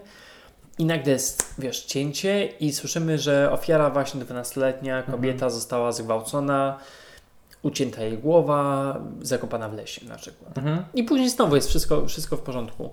Więc e, uważam, że największym plusem tego człowieka było to, że no cholera dał się lubić, ponieważ on później w latach 70., właśnie kiedy za, zaczął być osądzany o te wszystkie zbrodnie, mm, no należy przypomnieć, że wtedy no ten organy ścigania nie były tak bardzo sprawne, więc kiedy on się przemieszczał pomiędzy różnymi stanami, to było tak samo Mhm. jak Zodiak, więc no nie było wymiany informacji, więc no w jednym stanie on był znany zabójstw, w drugim nie, więc mógł sobie spokojnie... Natomiast też e, trzeba dodać, że to prawo było ostrzejsze. tak, Była bardziej powszechna kara śmierci, jeśli Tak. chodzi o stan. Co go w sumie, no, spoiler. Na- dopadło. Natomiast, natomiast e, faktem jest, że e, atutem tego człowieka było to, że faktycznie e, był lubiany, przez co stał się takim jednym z pierwszych zniesławionych celebrytów. Zresztą, co podkreślał chyba sędzia w jego procesie, Tak. że jest to wielka strata, ponieważ jest to inteligentny młody człowiek, który zszedł na stronę zła. Tak, to, jest, to był cholernie inteligentny człowiek, który... Podobnie jest chyba zresztą z tego, co słyszałem z Breivikiem, No, ponieważ e, wielu strażników, którzy go pilnują, zgłosiło prośbę o przeniesienie, mhm. e, ponieważ e, zaczynają czuć do niego sympatię wiem. i jakiś tam wspólny język, mimo wiedząc jakby co zrobił, prawda? Mhm. No tutaj mówimy o naprawdę zabójstwie ogromnej ilości kobiet z ogromnym okrucieństwem i Ted Bundy był cholernie elokwentnym człowiekiem, który sam w trakcie procesu Był studentem prawa też swoją drogą, nie? i zrezygnował ze własnych prawników. W, w pewnym momencie powiedział, że absolutnie ich nie chce i on sam będzie się bronił i on potrafił faktycznie w, w dobre guziki nacisnąć. Mhm. No, o, oczywiście, no spoiler, no wiadomo, że to już było lata temu. Nie uchroniło go to przed, przed karą śmierci, która, którą wykonano chyba, nie wiem, po pięciu, po, prawie po, pięciu, może po dziesięciu latach, już nie pamiętam tak Mhm. naprawdę, bo to ten proces jednak jest wydłużony. Ale e, zaletą filmu, który obejrzeliśmy z Zakiem Efronem, jak i, jak i właśnie serialu, raczej zaletą, no, plusem, minusem jest właśnie to, że tak przy bardzo dobrych serialach, kiedy antagonista jest głównym bohaterem, że Mhm. cholera lubimy tego głównego bohatera. No plusem jeszcze... Dokument jest też w takim tonie? Tak. Okej. I doku- właśnie to, to jest właśnie minus tego, znaczy minus, no mm, to jest takie śliskie w tym dokumencie, ponieważ Mhm. oglądasz ten dokument i myślisz sobie, że jak ten gościu mógł to zrobić. Nie, sobie te, tego nie wyobrażasz, tym bardziej, że no, y, dokument jest oparty na jego taśmach, jak on zeznaje. I nagle wiesz, mówisz, że wszystko jest piękne, oczywiście jest wszystko pokazane, jak jest kobieta, jak się wypowiada, jakie były jej początki, znajomości. I nagle on na taśmie mówi, że no, że właśnie uciął jej głowę i musiał ją zakopać gdzieś tam. ra, ra, ra, I wiesz, nie, tobie się nie chce w to wierzyć. Absolutnie. Ponieważ ten gościu, jak na niego patrzyłeś, no może oczy coś zdradzały, ale to nie były takie oczy Charlesa Mansona, tylko by, były takie bardziej oczy jakiegoś takiego psiaka zagubionego. Mhm. Ale plusem tego Teda- Bundy'ego było to, że mało kto potrafi być takim kameleonem, jeżeli chodzi o unikanie wymiaru sprawiedliwości. E, było to, że mało kto potrafi być takim kameleonem jak on. Mhm. To był człowiek, którego ja bym nie poznał na ulicy w żadnym z jego prób zmienienia swojego wizerunku. Okej. To był człowiek, Chyba w który... dokumencie jest to bardziej jeszcze uwydatnione. Tak, no w, w, w, w w fabule to, zdecydowanie mniej, ale w dokumencie są pokazane zdjęcia i ja czasem nawet, wiesz, no gdybym widział go w takiej odległości, jak teraz patrzę na Ciebie, bym go absolutnie nie poznał. Mhm. Napra- może bym gdzieś tam zaczęło mi coś tam świtać, ale bym w życiu go nie poznał i to było jego, jego plusem, a oprócz tego był czarującym człowiekiem. To jest tak samo jak, wiesz, no był polski tulipan, który No już, tak. już świętej pamięci, który czarował kobiety, okradał jej później. Wiem, że bił, znęcał się nad nimi Mhm. i, i, i pomimo tego kobiety w momencie, kiedy on wylądował w więzieniu, cały czas do niego pisały i chciały być z nim i tak samo było z Tedem Bundim. Natomiast jeżeli chodzi o, jeżeli chodzi o e, skupienie stricte na filmie fabularnym, na którym byliśmy, Mhm. to wiem, że początkowe głosy były takie dość. Znaczy, były oczywiście, no, niektóre były pozytywne, niektóre były dość takie rozbieżne ze względu na to, że niektórzy uważali, że film jest. Mm, temat jest e, potraktowany pobieżnie. Mhm.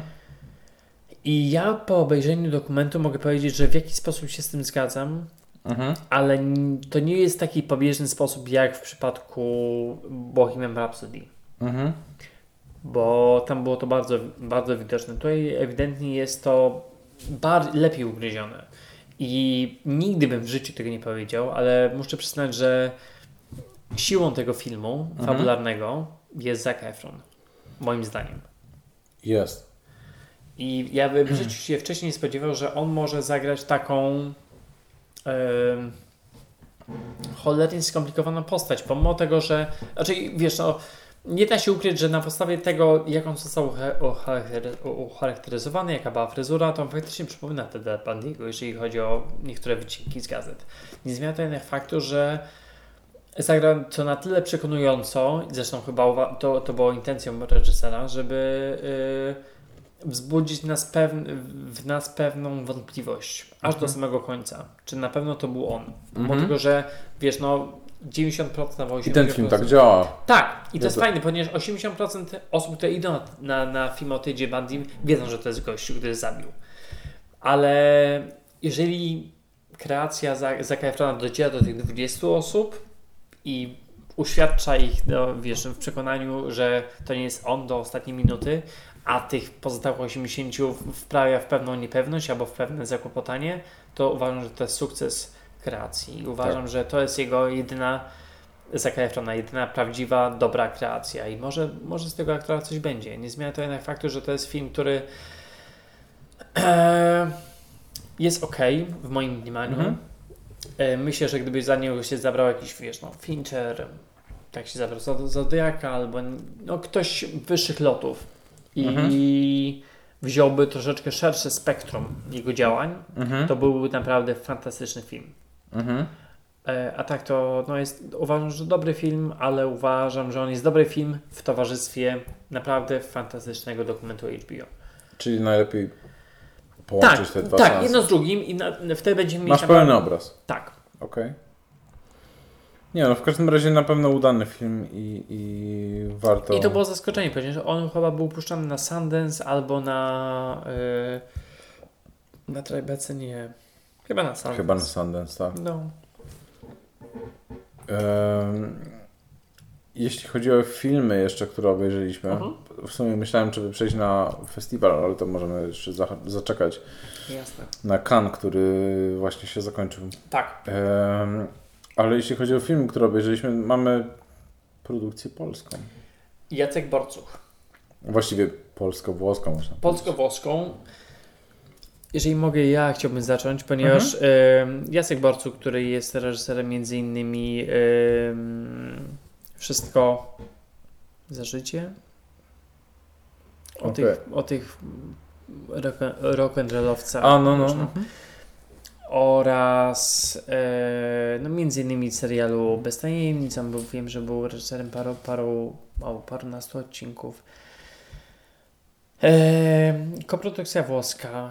E, włoska przez to, że oczywiście mamy paru włoskich aktorów, który, jeden aktor, który grał w Pod, pod Słońcem Toskanii, oczywiście mamy naszą mm, polską modelkę, czyli Smutniak, która grała ostatnio w Oni, e, Sorrentino. Właściwie większość obsady jest chyba włoska. Tak, oprócz y, same, samej Jandy i y, córki Borcucha, Mhm. która gra córkę, y, córkę Mhm. Smutniak i, i tego chło- chłopaczka. Mm, jest to historia pisarki, która zasłużonej pisarki, która tak, Tak. naprawdę y, zmieniła swoje miejsce zamieszkania na Włochy, gdzie już się osiedliła się na stałe razem ze swoją córką i Mhm. e, I tak jak w przypadku dzieci. bohaterki Vox Lux, Vox Lux, którą dzisiaj wspomnieliśmy, Tak. jest osobą, która chyba za dużo nie zastanawia się nad tym, co myśli i Tak. Niekoniecznie zawsze jest zrozumiana. Wiesz co, ja myślę, że to jest kwestia, przynajmniej jeżeli chodzi o tutaj o tę bohaterkę. Yy, ja miałem takie wrażenie, że to jest bohaterka, która w pewnym momencie swojego życia, ponieważ no, Janda gra bohaterkę w swoim wieku. Nie jest Mhm. ani odmłodzona, ani, Tak. ani postarzała, czyli ona ma ile? 60 lat ma Janda, Mhm. 65, 63, nie, nie pamiętam ile. W ogóle a propos Jandy. No. Dawno nie widziałem Jandy w, w, tak dobrej kreacji, Ja też gdzie Inaczej, ja, Gdzie nie gra po, po prostu postaci, Gdzie nie które, jest Jandą. Gdzie nie jest Jandą. tak, gdzie to nie jest gra... tak, jakbyś oglądał ja, Lindę, który nie jest Lindą. Tak, Eee, ja też. czyli niania. Okej. Na kłopoty coś tam było, to się nazywało. Tak, Wiesz co, ja ostatni raz. Jandę ja widziałem y, nie ja, jako Jandę w produkcji właśnie Bez Tajemnic. Aha. Czyli HBO serial, który był oparty na tam angielskiej albo szwedzkiej produkcji. Czyli był Radziwiłowicz i jego psychoanalitykiem, czy też psychiatrą, psychologiem była Janda.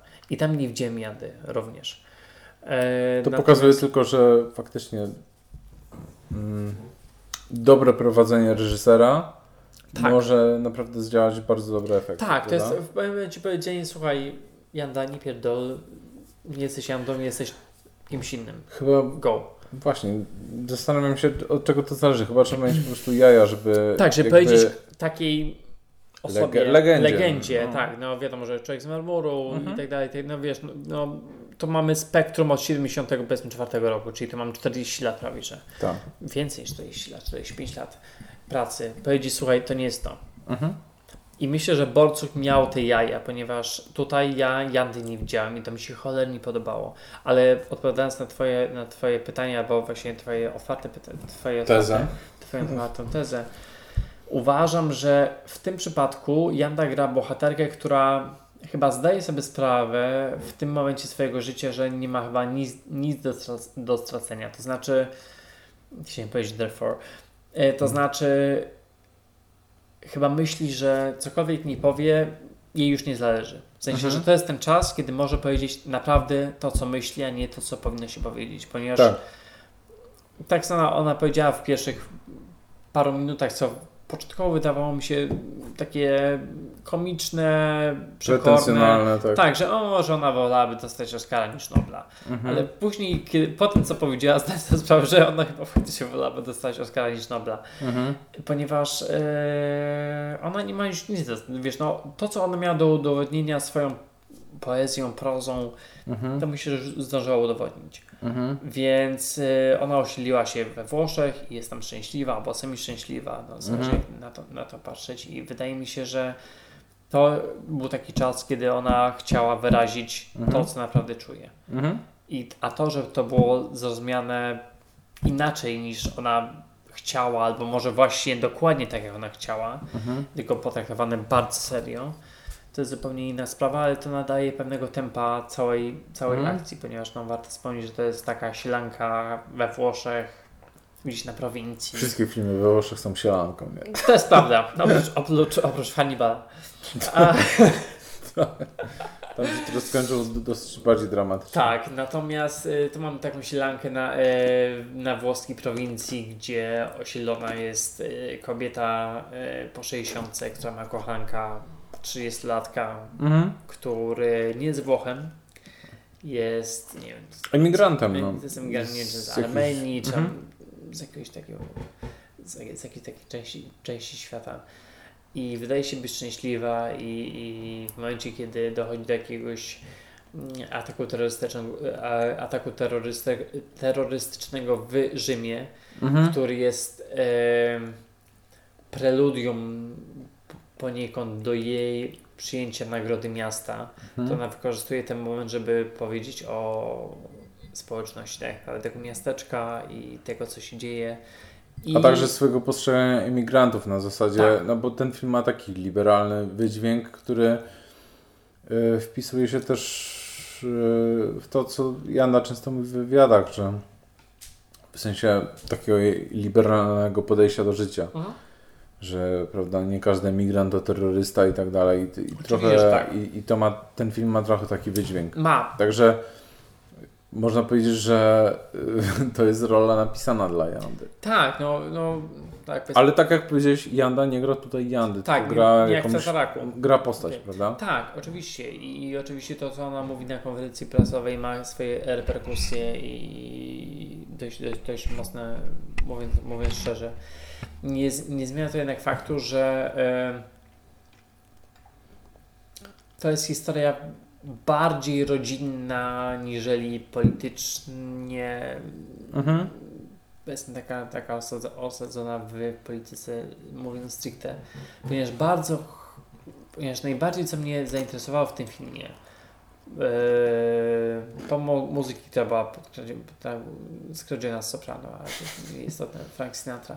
Natomiast yy, bardzo mnie zaintrygowała relacja matki z córką, czyli, czyli Smutniak z Jandą Mhm. i samej Jandy ze swoim mężem i tego, jak oni potrafią funkcjonować w takim, no, prawie że oficjalnym trójkącie, co, co wiesz, no, było, bo nie było, nie było widoczne. E, ale powiedziałeś, że na polskim podwórku i do tego chciałem się odnieść tak na, na swoje zakończenie. Mhm. Największym plusem tego filmu jest to, że kurwa nie widać, że to jest polski film. Tak, I zdecydowanie. jeżeli ja mówię polski film, to no wiem, że ty wiesz o czym ja mówię Mhm. i może ci, którzy słuchają też wiedzą o czym ja mówię, ale czasami się idzie na polski, polski film, widzisz pierwszy kadr i mówisz kurwa, no widzę, że to jest polski film.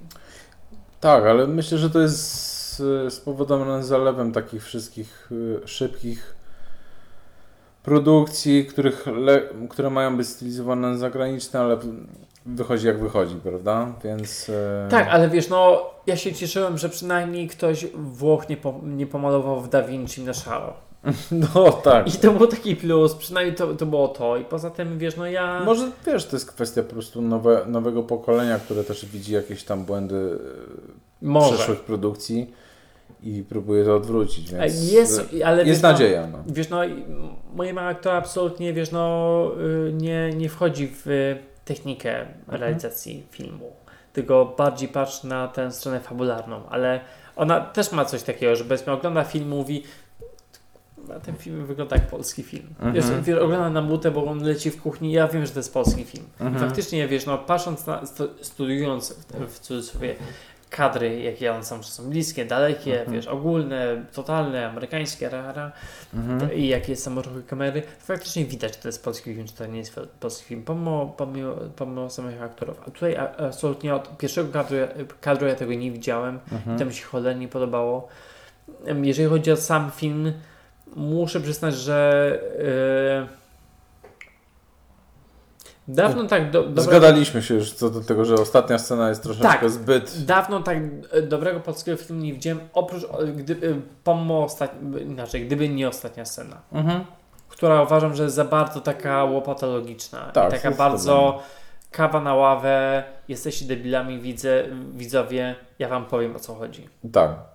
Więc ja zrobię to, co zrobię, ale oprócz tego uważam, że no naprawdę jest bardzo... Jest naprawdę w porządku. jest naprawdę w porządku. No i Janda jest... No i wiesz, no Janda to jest taka polska Meryl Streep. No nie ma, nie ma pols innej polskiej Meryl Streep. No jest- nie, zdecydowanie. To jest Krystyna- Janda i, i fajnie, że Borcuk za coś takiego się Chciałbym ją zobaczyć w teatrze swoją drogą na czymś. A ja ją wziąłem. Widziałeś ją? Na czym? Na Shirley Valentine. Okej. Dwa razy. Wow. 2001 i 2011 albo 12 rok. Okej. No. Zazdroszczę. Słuchaj, na No. liście naszych filmów, właściwie ostatnim filmem na, na, na naszej dzisiejszej liście jest Mhm. e, film, który ty widziałeś, a jeszcze nie. Gl- Gloria Bell. Gloria Bell. Hu, e, to jest film, który zwiastu, według zwiastunu jest komedią. Taką geriatryczną, semi, poważną.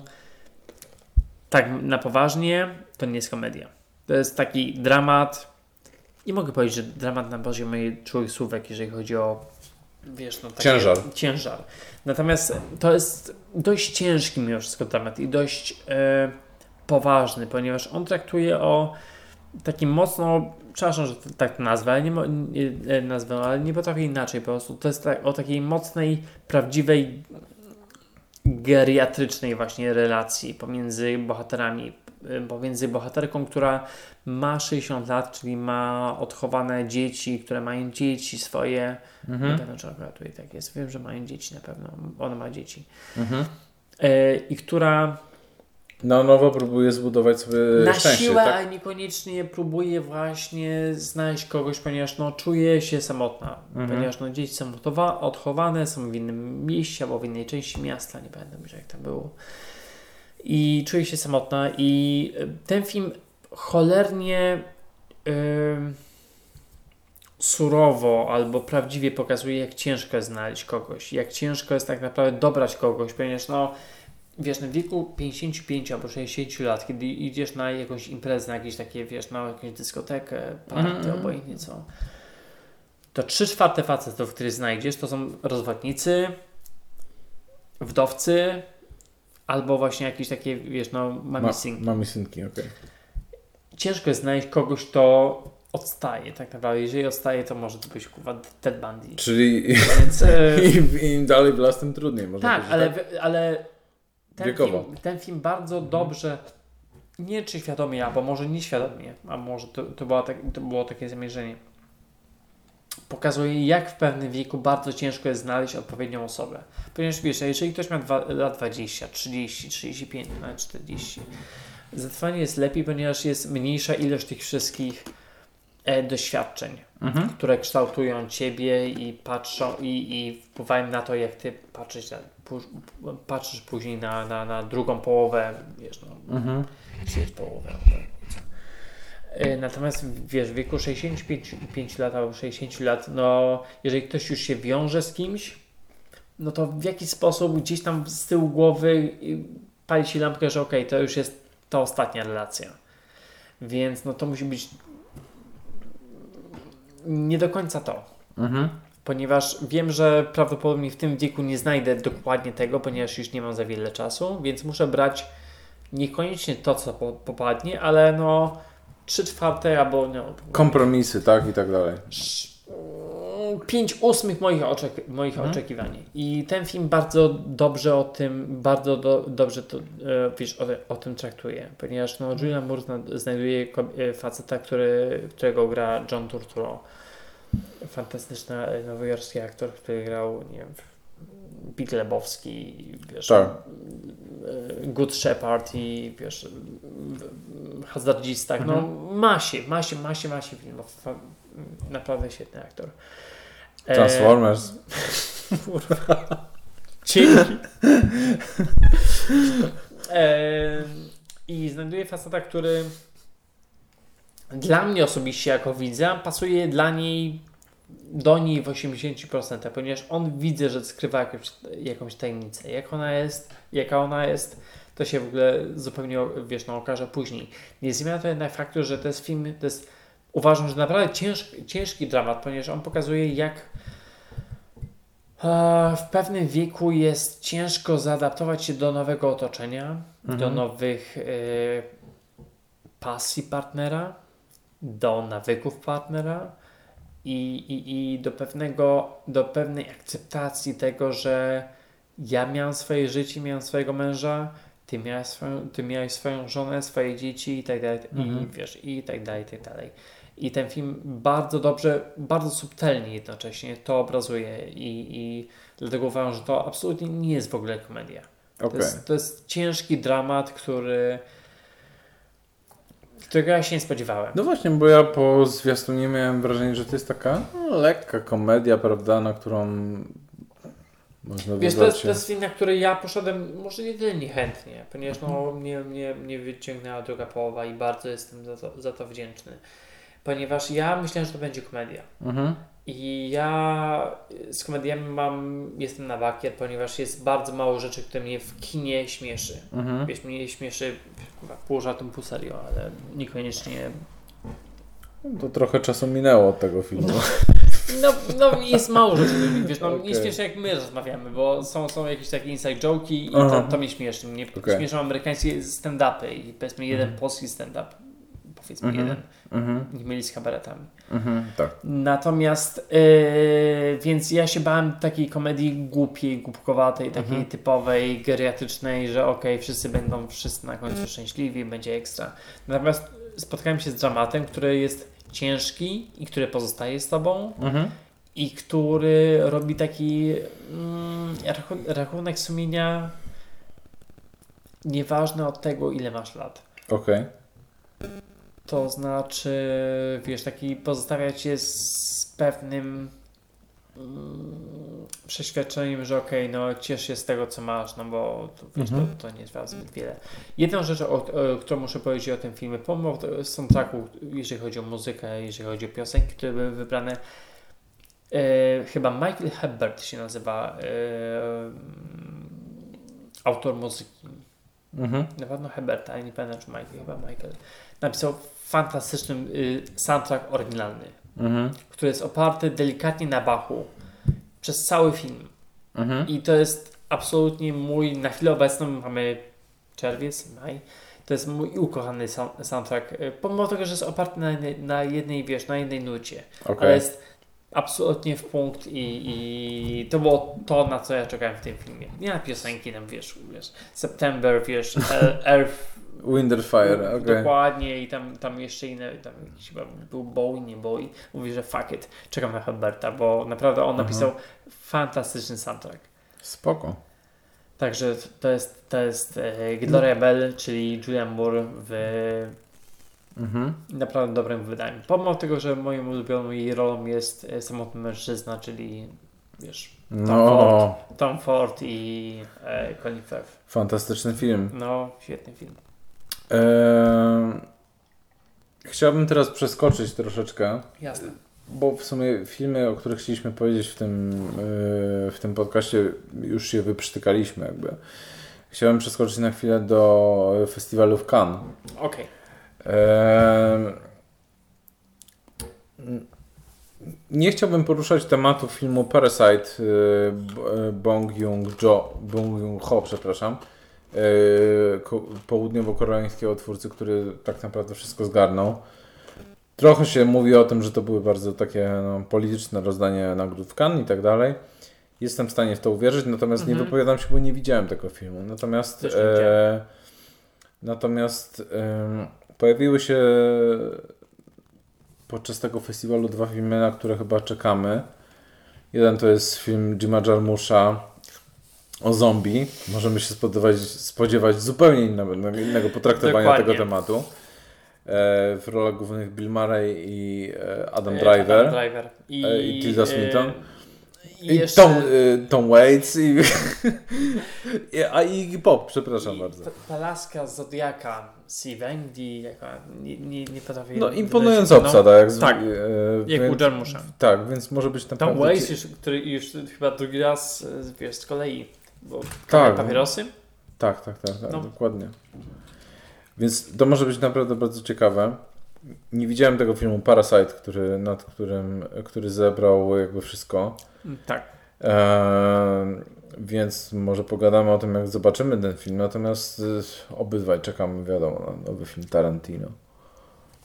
Ty czekasz bardziej, ja czekam mniej. Okej. Wiem dlaczego, ponieważ no, ty jesteś większym fanem Tarantino, ja jestem hejterem Tarantino e, Okej. w jakiś tam sposób, ale jestem, wiesz, dziwką DiCaprio, więc no.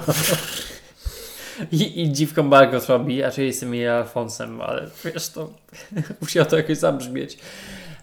Ym, więc tak, jeżeli chodzi o Once Upon a Time in Hollywood, jest to film, który no, został zmontowany do wersji 2.45. E, czyli 2 godziny 45 i opowiada oczywiście o dwój, dwójce fikcyjnych aktorów, czyli aktor i kaskader jego w latach w 69 Stunt roku. double. Stand double w 69 roku w Hollywood, kiedy oni nie potrafią się odnaleźć w nowym hippie world, czyli w świecie, gdzie mamy Koniec ery, złotej ery Hollywood i... Tak, i takiej, i takiej ery dla mnie ukochanej, jeżeli chodzi o Hollywood, czyli wiesz, czyli mamy Easy Ridera, czyli mamy Mhm. ym, y, Nocnego Cowboya, mamy Absolwenta, no i francuski łącznik i Tak. tak dalej, tak dalej. To są to takie filmy przełomu, można powiedzieć Tak. właśnie. Inspirowany nową falą, jeżeli chodzi o, o, Włochy. A w tle, aha, w tle tego wszystkiego em, tragedia, która zmieniła oblicze Hollywood i em, można powiedzieć no, życie- podejście do życia e, wielu osób, prawda? No jedny na pewno, naszego półrodaka. Nie no, rodaka, no. R- On Romana chyba myślę, że bardziej jest, wiesz, pari niż poli. Nie no. E, Tak, mowa oczywiście o morderstwie Sharon Tate, żony Romana Polańskiego, która również była aktorką. Eee, no i co, czekamy na ten film, prawda? Zwiastun wygląda obiecująco. Zwiastun e, wygląda obiecująco chociażby ze względu na fakt, co mi się bardzo podoba w tym zwiastunie, jak i w poprzednim, to znaczy ja lubię zwiastuny, które faktycznie podsysają mój apetyt, a nie zdradzają fabuły. Mhm. I to mi się cholernie podoba w tym zwiastunie, ponieważ on nie pokazuje absolutnie prawie że nic. Pokazuje, wiesz, na, nakreśla nam, gdzie się dzieje akcja, kiedy się dzieje akcja, kim są bohaterowie, co oni robią i to jest koniec. Mam tylko jedną obawę, jeśli chodzi o ten film, No. ponieważ e, obsada, okres, kiedy dzieje się akcja, wszystko to spełnia moje Mhm. takie must have, jeśli chodzi No. o taki film, którego wyczekuję. Natomiast No. Nienawistna ósemka też zapowiadała się znacznie lepiej niż tak naprawdę wyszło w ostatecznie, według mnie. I jestem, jestem ciekaw, e, jak będzie w tym przypadku, chociaż mam naprawdę bardzo, bardzo duże nadzieje, jeśli chodzi o Once Upon a Time in Hollywood. Em, ja mam większe nadzieje, ponieważ dla mnie zawsze nie, nienawistna ósemka, której nienawidzę. E, a czy no, to jest złe słowo. Nie no, lubisz, no. no. No, wymęczyłem się w kinie, no, Mhm. nie ukrywam. No, uważam, że no, tam nożyczki montażysta, montażysty, montażystki byłyby bardziej, bardzo potrzebne. Ale uważam, że przynajmniej ten scenariusz fantastycznie sprawdziłby się w teatrze. Niekoniecznie w kinie. Ale też mimo wszystko skrócony chyba. No, prawdopodobnie tak, ale no w kinie ja się wymęczyłem, no jak rzad, rzadko kiedy. Natomiast jeżeli chodzi o inne filmy Tarantino, to wiesz, no jakie ja, ja mam podejście, ponieważ no Mhm. moim ukochanym filmem jest najmniej ulubiony film Tarantino ze wszystkich, czyli Jackie Brown. Jackie Brown, okej. O Jezu, jak, jak ko- kocham ten film. Eee... bardzo, bardzo, bardzo lubię. No, no okej, no, ko- kocham Pulp Fiction. Eee, uwielbiam e, Django, który ostatnio nawet leciał w telewizji, więc nawet obejrzałem całe. Wiem, że Inglourious Basterds lubisz wybiórczo. Tak, Eee, Inglo- z Inglourious Basterds, wiem, że kiedyś to mówiłem, ale powtórzę jeszcze raz. Inglourious Basterds dla mnie ma ogromny minus, to znaczy pierwszy akt, czyli pierwsze 20 minut jest tak cholernie dobre, ale tak cholernie genialne i tak bardzo, bardzo Sergio Leonowskie, że później, kiedy przechodzimy do tej całej papki, Mhm. ja nie potrafię się odnaleźć. Ja Okej. mówię, że gdzie jest ten Sergio Leone, gdzie jest to budowanie napięcia, kiedy po 15 minutach pierdolenia o kurwa o mleku, nie mleku, Tak. kamera schodzi i widzi wszystkich Żydów, którzy są pod podłogą. Tak. To jest absolutnie genialny pomysł i a później oczywiście jest, mówię, czysty Sergio Leone. Mhm. Więc dla mnie było, było nierówne, ale wiesz, no to jest, to jest niestety tendencja Tarantino w niektórych filmach, albo w większości filmów, ponieważ no, on dzieli filmy na chaptery. Tak. Oprócz Django, Ciekawe, czy tutaj będzie też podobnie, ponieważ po zwiastunie wydaje się, że jest to jakby spójna całość, tak, ale to ale wiesz, zobaczymy. no, Wiesz, nie ma co dzielić spory na niedźwiedziu, tak naprawdę zobaczymy dopiero no, za parę no, miesięcy. oczywiście nie zmienia jednak faktu, że no, rzadko kiedy od czasu Django nie czekałem tak bardzo na film Tarantino. Wiem, że ty, ty czekałeś na nie- nienawistną, na nienawistną ósemkę, ja trochę mniej, no bo Mhm. bo nie widziałem tam nikogo, koło mógłbym tam zaczepić, no to, natomiast tutaj mamy... Nie, no nie mów, obsada była naprawdę No kozacka. była, no wiesz, no Channing Tatum, no. natomiast, natomiast... e, To był mega spoiler, ten gość się nie pojawia do końca. Ja- ostatni. Ale to już minęło parę lat, więc okej. Natomiast e, na to czekam, ponieważ wiesz, na Django czekałem ze względu na DiCaprio, nie będę Mhm. ukrywał. No bo wiesz, jest... I szczerze mówiąc, to była jedna, uważam, jedna z najlepszych ról jego. Ja uważam, że Rewelacja. To, że y, Christopher Waltz dostał Oscara za Django, a nie DiCaprio, to jest taki, wiesz, fuck you w stronę DiCaprio, że no, zwłaszcza, że Christopher Waltz miał swoją e, chwilę chwały za Inglourious Basterds, która dokładnie. była zasłużona jak najbardziej, Oczywiście. ale ale sorry, Django DiCaprio. Mówię, ostatnio oglądałem Django i mówię, że akurat widziałem scenę na plantacji, mówię, że pff. Genialny. Natomiast e, jeżeli chodzi o Once Upon a Time, e, jeżeli chodzi o, o, o na sekundkę, jeżeli o, o ósemce wspomnę, nie czekam na ósemkę dlatego, ponieważ ja, w przeciwieństwie do naszego wspólnego znajomego, nie jestem tak wielkim fanem westernów. To znaczy, ja mam swoich, nie wiem, powiedzmy pięć westernów, które kocham. Mhm. I to jest, wiesz, no, Downtown w, na, na dzikim zachodzie, Dobry, Zły i Brzydki, Bez Przebaczenia, nie wiem, Bezprawie i tam, nie trzecia dziesięć do Jumy, powiedzmy. I to, Mhm. jest, to jest moja piątka i coś może jeszcze. Okej. Natomiast ja nie jestem fanem westernów, ponieważ no, one są Powtarzalne, tak? takie same. Dlatego ja też nie czekałem, dlatego ja też byłem bardzo z, y, zawiedziony tym, że Tarantino robi drugi western, czyli Nienawistną ósemkę. No, po, później słyszałem, że to jest w jednym pomieszczeniu, mówię, okej, to będzie teatralne, no, ale powiedzmy... nie, Wyszło jak wyszło. No. No ale no... Zobaczymy, co będzie. Tak, natomiast tutaj na to czekam, ponieważ no, to jest okres, który ja osobiście najbardziej, którego ja najbardziej łaknę jako e, fana Hollywood. I W ogóle był to bardzo ciekawy okres, jeśli chodzi o wydarzenia na świecie, prawda? I gdy ja zła... wiem, że o tym kiedyś rozmawialiśmy chyba nie 2-3 lata temu. Gdyśmy my złapali książkę, która właśnie traktuje o wydarzeniach pomiędzy powiedzmy, nie wiem, 68 a 70, nie wiem, Piątym. powiedzmy, na No. przykład. Czyli, kiedyś no, kończył wojna- Wietnam. No. Tak, czyli woj, wojna w Wietnamie, tylko że w Stanach Zjednoczonych wiesz, nie, nie, nie, nie, nie w Azji. Jeżeli ktoś taką książkę ma, to, Mhm. to my jesteśmy pierwsi to przeczytać. Zdecydowanie. Natomiast dlatego wiesz, ja y, jestem ciekawy tym bardziej, że no ja uważam, że mm, kariera Tarantino właściwie, się no No, Sam zapowiedział, że to już jest końcówka, więc no, kto wie. Mam nadzieję, że skończy w dobrym stylu. status. E, tak samo jak mimo wszystko kibicuję Danielowi Craigowi jako Bondowi, żeby skończył w dobrym stylu po no niezbyt udanej, według mnie, ostatniej części Bonda. No shit! W ogóle czekasz na nowego Bonda? Bo ja mam powiedzieć taki stosunek jak do Gwiezdnych Wojen Ja nowych. powiem ci tak, ja czekam na Mission Impossible, a czekam na Bonda. Yy, Dzisiaj rozmawiałem z, z jedną koleżanką na temat ujęć, u, na temat ujęć e, powietrznych i pokazywałem jej making of e, sceny no, wyskakiwania samolotu z Mission No. Impossible Fallout. no. I e, ta seria wzbudza we mnie zdecydowanie większe emocje niż James Bond, który uważam, że niestety to nazwisko się troszeczkę wytarło. No.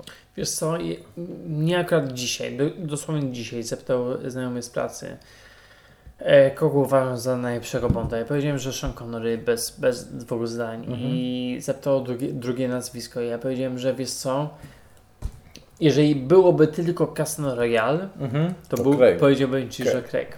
Ale po ostatnim spek filmie Spectrum Tak. i, y, i e, Spectra i po tym jak był taki ghost walking, wiesz, Daniel Craig, to wstrzymam się do Bonda numer dwy- 25, ponieważ Okej. nie jestem w stanie Ci powiedzieć. Eee, wiem, że kiedyś o tym rozmawialiśmy, nie pamiętam czy offline, czy online, Mhm. ale powtórzę się. Dla mnie największym, największą zagadką ludzkości jest to, że to co powiedziałem wcześniej. Tych dwoje ludzi, czyli Barbara i Michael, Barga, Barbara Broccoli, czyli córka Broccoliego i Michael Mhm. Wilson, czyli przyrodni brat Barbary, robią te filmy od kurwa nie wiem, 30 lat. Mhm. I wiesz, no i mówię, powtórzę się, ale ja na ich miejscu, ja otwierałbym, wiesz, swoją szafę i oprócz tego, żeby się wywalały garnitury, to by się wy, wy, wywalały scenariusze, które mają być na kolejnej części. Mhm. Oni zawsze mają z tym problem. Tak, Ja bo, jestem- bo nawet przy tym ostatnim bandzie, który właśnie kręci, e, z tego co słyszałem, scenariusz jeszcze nie był gotowy, kiedy Kur- zaczynały się zdjęcia, co bardzo źle zwiastuje, nie oszukujmy Słuchaj, się. przy Spektrze było to samo, oni pisali na kolanie. Ja pamiętam, że jakieś było takie e, właśnie, właśnie przy spektrze, że o, że trzeci akt, że gdzieś tam wycie, wyciekł trzeci akt spektry i jest zły. Mhm. I że mają go zmienić. No kurwa, chyba nie zmienili, bo faktycznie jest zły. Ale nie zmienia to jednak faktu, że dla mnie zawsze to była zagadka, że oni robią tylko to. Ja rozumiem, że mm, nie wiem, kurwa, Kathleen Kennedy, która robi Bondy, będzie robić pewnie kurwa Indiana Jonesa i pewnie zacznie robić... Kathleen Kennedy robi Bond? Y, No wiesz, no y, nie Bondy, o Jezu, y, Gwiezdne Wojny. Gwiezdne Wojny, okej. Robi Gwiezdne Wojny, będzie robić kurwa Indiana Jonesa i pewnie jakieś inne rzeczy. Ona nie ma czasu, bo ona robi cztery rzeczy jednocześnie, ponieważ ona robi filma, o filmie o Solo, Rogue One, Gwiezdne Wojny Ale 7, to jest 8, skupione 9. tylko na Bondzie, nie? Oni mają tylko Bonda od 50 lat. Teraz więcej, od 50, od 62 roku, czy od 50, kurwa 7 lat. Robią tylko Bondy. Robią jednego Bonda na 3 lata, czasami na 2 lata, ale raczej na 3 lata. Więc Hmm. naprawdę ja na ich miejscu bym zatrudnił masę, jest masa bardzo utalentowanych scenarzystów. Dać im po jakimś tam bańce, nie bańce, myślę, że ich na to stać. Niech każdy zapiczuje swój pomysł i da swój scenariusz.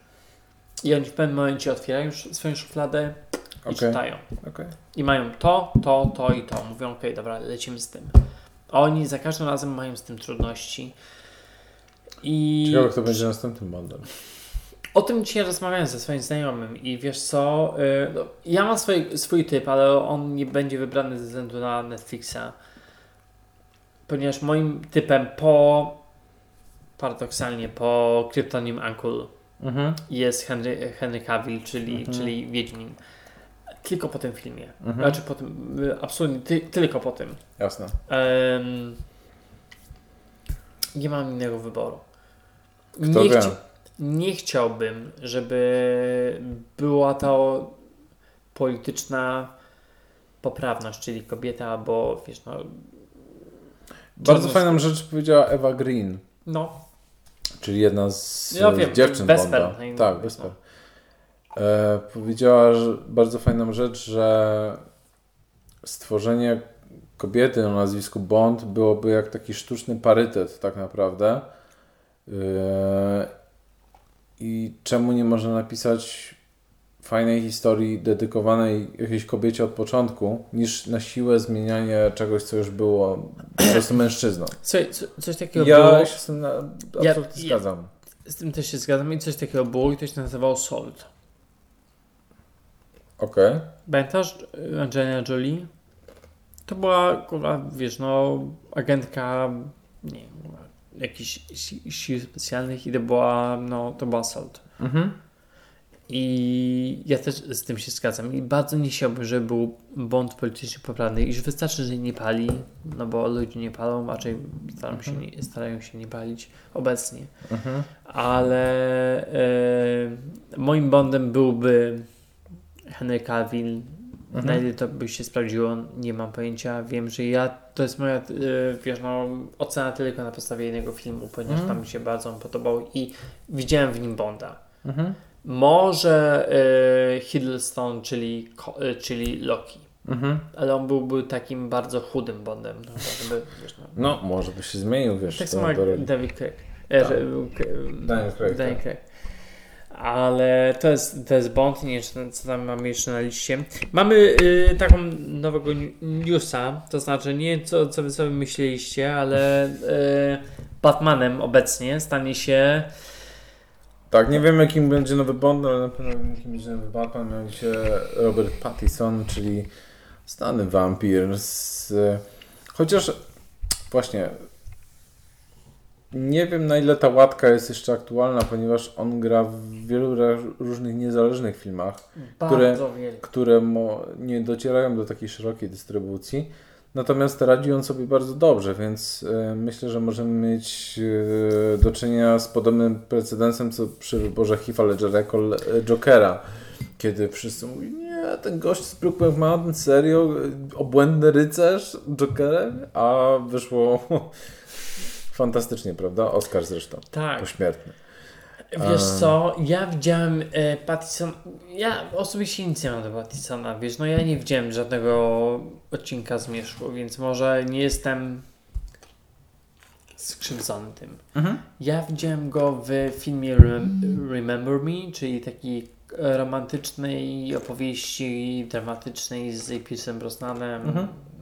Tak się kończy tam A, wiem, okej. World Trade Center.